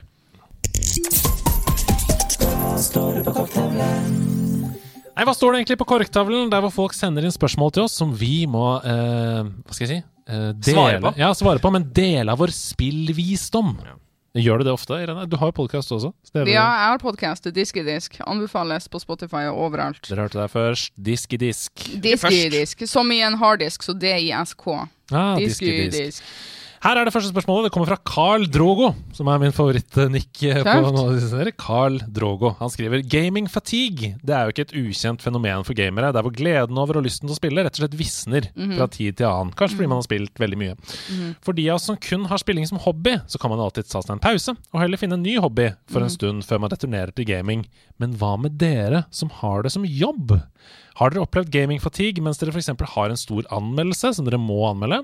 Eller ved release av et stort spill? Personlig så klarer jeg f.eks. ikke engasjere meg over Tears of Kingdom akkurat nå pga. Uh, gaming fatigue. Hvordan takler dere dette problemet? Altså når vi, når vi opplever dette, men vi må spille fordi vi jobber med det. Du, altså, her er jeg mest interessert i din eh, input, for jo, du har jo hatt dette som jobb i mange år. Ja. Nei, da eh, Jeg har ikke lyst Altså, vet du hva, det er faktisk problemet. Problemet er å jobbe med hobbyen sin på en måte, da. Men jeg er min egen sjef. Hvis jeg ikke vil spillanmelde noe, så gjør jeg ikke det. Men uh, ofte sånn, hvis du godtar en spillanmelderkode, så forventer da jeg publisher at det kommer en slags spillanmeldelse. Mm. Uh, gamer fatigue, det er 100% ekte. Det er ikke hver dag at jeg har lyst. Det er en, en mood jeg må være i. Det er min comfort zone. Det å sette seg ned med et spill. Mm. Jeg, må, jeg må være i den følelsen, på en måte. Det finnes dager hvor jeg ikke spiller noe. Mange dager. Det kan gå mange dager, faktisk. Eh, jeg vil ikke presse meg til å spille hvis jeg ikke syns at det er noe jeg har lyst til å gjøre der og da. For kanskje det er andre ting i livet eller i tankene som opptar meg mer, som distraherer meg fra å nyte spillet. Mm. Mm. Hva med deg? Har du opplevd dette i på en måte For eksempel da du skulle anmelde PlayStation VR 2, var det noen ganger du tenkte sånn ah, nå orker jeg ikke å ta det opp, men Jeg, jeg tenkte det. Det handler helt om hvilken situasjon jeg er i mentalt, og hvor mye energi jeg har. Men da jeg begynte å skulle anmelde Bramble, så var det litt sånn, men så var heldigvis spillet så bra at jeg ble sugd inn i det. Så hvis Ja. spillet er bra nok, så pleier det å gå over av seg selv. Men det som jeg, det jeg også tenker, er at gaming fatigue Det kan være fint å ha ett spill som på en måte går på automatikk, som da er Overwatch for meg, da. Så jeg har ikke lyst til å spille noe annet en periode. Da bare spiller jeg det, og så er på en måte ikke det som for meg nesten som å spille. Det er liksom bare å, å leve livet mitt, da. Eh, så, så finn et sånt spill, folkens. Jeg ville kalt det for et mindless game. Et Et spill som du, kan, ja, som du kan spille på automatikk uten å tenke så mye. Du slipper å følge med på en story og lytte til dem. Du kan faktisk bare uh, kjøre en Netflix-dokumentar i bakgrunnen samtidig som du, du lytter da og hører og er mentalt egentlig i Netflix-dokumentaren, men uh, med synet ditt så automatisk spiller du The Mindless The Game. mindless game. Ja. Min approach til dette her er den akkurat samme som jeg har i alle andre ting. Når jeg f.eks. må skrive og ikke er i uh, humør til å skrive, så må jeg skrive likevel, for det er jobben min. Um, og da handler det om å sette seg et delmål som er mye, mye, mye kortere enn det eh, store målet. Altså Hvis du begynner å tenke å shit, jeg må runde dette Zelda-spillet, så er det lost. Men hvis du tenker jeg skal bare komme meg til neste by, eller skal jeg bare ta neste boss, eller jeg skal bare komme meg til Hvis du begynner å sette deg mye kortere mål, så vil du sannsynligvis komme dit hvor Hasse sa nå. At du blir sugd inn i spillet, og så forsvinner den fatiguen. Og sånn har jeg det også med skriving. Jeg skal bare skrive dette avsnittet. Og så kan jeg kanskje ta en pause og gå ut og drikke litt vann, eller sånn, og være litt ute i hagen, eller sånn. Og så skal jeg skrive neste avsnitt. Og så plutselig så er man inne, og så har man skrevet ti avsnitt. Ikke sant? Så prøv å istedenfor å tenke mål, mållinjen, tenk heller neste 100 meter istedenfor. Ok, her er neste spørsmål. Hvis dere måtte velge ett spill å spille for resten av livet, hva ville dere valgt? Jeg legger til rette for at hvis du velger et multiplayer-basert spill, så kommer serverne aldri til å dø ut. Men, Wow. men kanskje spillebasen? Kanskje du er alene der inne? Det kan jo hende. Oh. Mitt spill er Minecraft. Tidløs grafikk, like gøy alene som med venner, og uendelige muligheter. Hilsen Toilet Troll. Faktisk bra svar, egentlig. Eh, det har vist seg eh, gang på gang at eh, man kommer tilbake til Minecraft Mm. etter mange år. Nei, vet du hva, jeg tror jeg hadde valgt Altså, Siden du så nevnte det der med server og internett. Men potensialet er at du kan gå helt alene rundt i Azeroth, og det hadde vært depressivt. Eh, jeg vil si Skyrim eller World of Warcraft. World of Warcraft for å uh, spille med noen i det hele tatt, for der er det også gøy å spille alene. Men jeg er så lei av av Eh, Det må bli Skyrim. Ja. Dessverre, holdt jeg på å si. Hva med deg? Jeg tenkte først på Elden Ring, men så hadde jeg sikkert blitt deprimert av hvor dystert det spillet er i lengden. Så jeg, tror- men det må være et open world-spill med veldig mye innhold, så jeg tror Ja. jeg går for GTA 5. Ja, bare som er liksom lurt. leve livet der. Og bare- Vet du hva, Det er også veldig bra svar, fordi der er det En, en, en nøkkelfaktor for meg er at man må kunne lage spill inni spillet. Mm. vent Sånn som for eksempel Minecraft, da, som er et sandkassespill. Det trenger ikke å bare være det. Du kan for eksempel lage hinderløyper, du kan lage Battle Royale-spill, du kan lage forskjellige spill. Og i GTA 5 så kan du også det. Du kan lage race opp i himmelen gjennom ringer. Du kan lage masse forskjellige skytekonkurranser. Du kan, eh, ja. Så jeg tror kanskje det må være noe sånt for meg også. Jeg endrer svaret mitt. Ja. Uh, jeg er enig. Det burde faktisk være et sånn uendelighetsspill, sånn à la Animal Crossing, hvor du bruker din kreativitet i det uendelige, for den er ustoppelig. Vår egentlige kreativitet. I hvert fall oss tre, da. Uh, Vår eh, jeg syntes eh, at Dragon Quest Builders 2 var bedre enn Minecraft. Hey! Yeah. Der kom den! Ja, Den var shots fired-aktig. ja. Nei, men Så bra. Eh, gode svar. Vi tar ett siste spørsmål her, som mer, mer egentlig er en anbefaling. Jeg er usikker på om dette er korktavlemateriale, men det er i hvert fall meget nerd. Jeg ønsker å spre ord om en fantastisk musikksjanger som heter Dungeon Synt. Det er litt vanskelig å beskrive, men det er en slags lofi musikkstil som bruker synthesizere, orgler og andre elektroniske instrumenter til å skape et nostalgisk og ofte old school lydbilde som minner om eldre PC-spill og rollespill. Første gang jeg hørte det, så ble jeg dratt tilbake til en kjellerstue som var innredet i bestemoraktig 70-tallsstil, hvor jeg og en venn forsøkte å lære oss det gamle Middle Earth role-playing game. Det er rett og slett destillert nostalgi for den modne nerd, altså eh, Dungeon Synt, som kan google på YouTube, da, dere. Det er Heironeus, Heironeus som har sendt inn dette spørsmålet, og da er egentlig bare mitt spørsmål hva slags musikk liker du? Eh, Som privat, holdt jeg på å si. Ja. Eh, Dandy Warhols eh, det er jo Jøsses. nydelig svar! Men ikke countrybeaten deres. Jeg liker det psykadeliske slowbeaten. Repetitive uh. Wow, det så jeg ikke komme i det hele Jeg har ikke hørt om den på så lenge! Jeg skjønner ikke at dere har hørt om dem. Bohemian Like You. Jeg så dem på Norwegian Wood i 2001! Uh, ja. Å ja. OK, Der kom den bomba!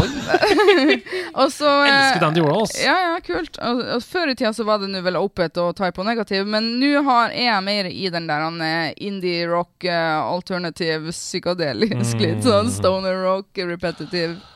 Wow, det er mye deilige oh, Nå fikk jeg også sånn Queens of the Stone Age-flashback her. Ja, jeg, jeg liker når uh, en, uh, en låt har mye bass og er bass-heavy.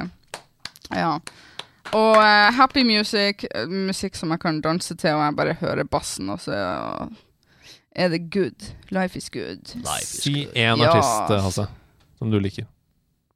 Tame Impala. バ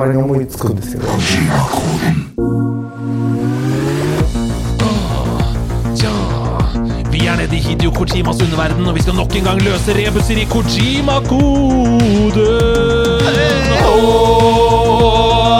Hideo Kojima, everybody, oh. Hideo Kojima, everybody, oh.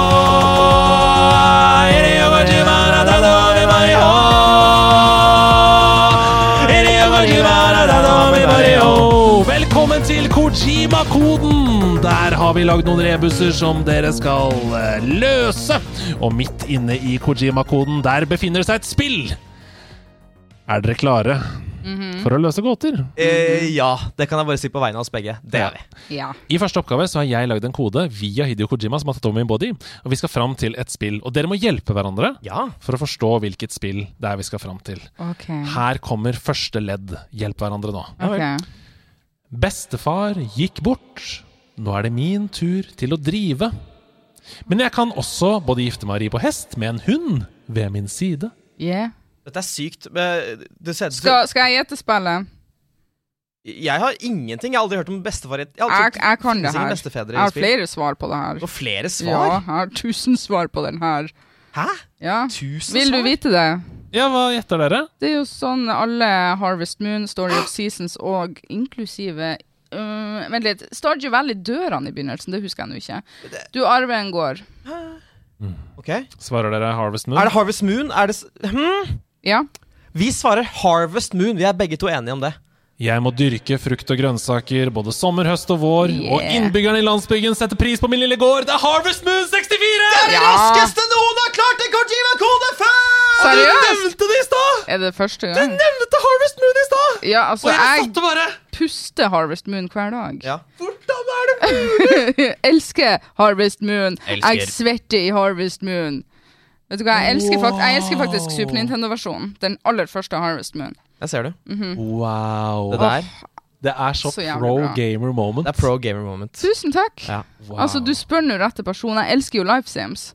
Og spør dere meg, altså jeg føler at LiveSims ble populært når Stardew Valley ble populært, men jeg var her lenge før dere og spilte Harvest Moons Nes. Det er fantastisk. Har du forberedt en Kojima-kode, Hasse? Uh, does the Pope shit in the woods? Ja. Da må vi jobbe sammen, vi, da. Nå, nå, okay. Hvis du kan være like pro gamer denne gangen, også, så er det veldig bra. Jeg skal gjøre mitt beste. Ja. En historie av tre. Hver sin vei de har gått. Ulike stier av skjebnen de har fått. Fra gatene til skogen, fra flyplassen til sjø. Det de vil er å lykkes, men da må mange dø. What the hell? Altså, når du sa fra okay. et tre, jeg bare uh, En historie av tre.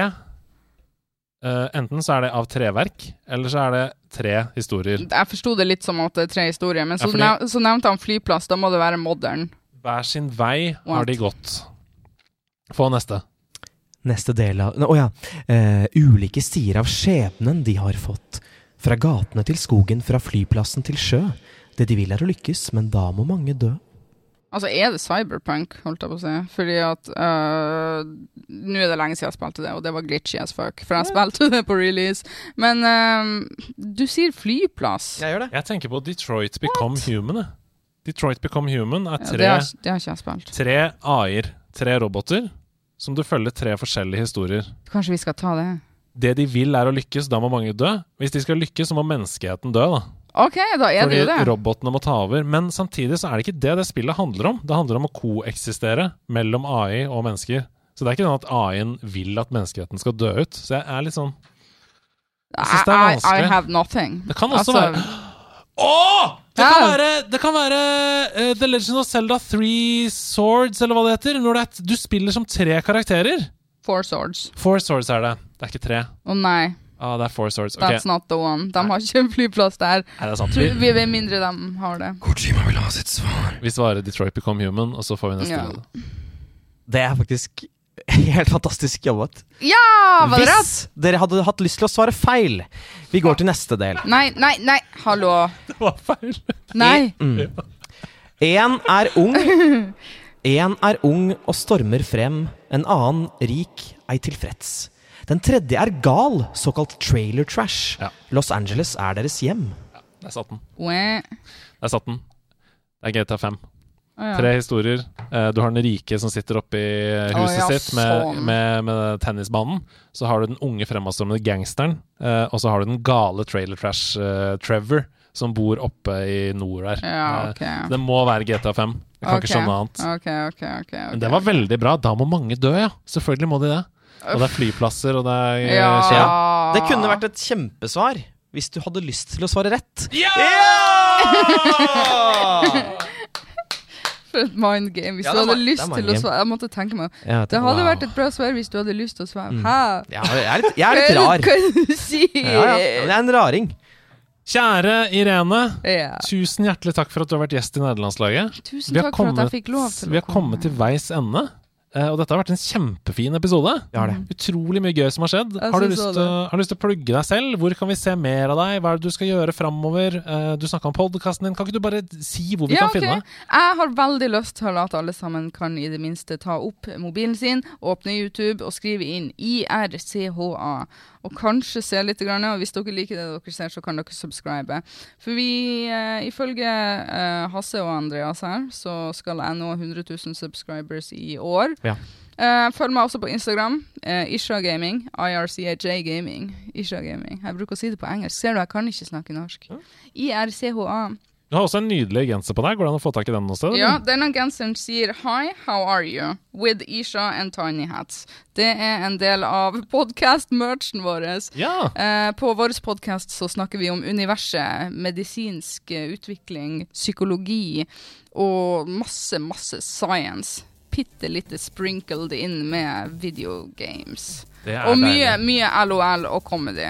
Disk i disk. Mm. Absolutt. Etter denne episoden, ta og søk opp Disk i disk på Spotify. Og så lytter dere til den nyeste episoden.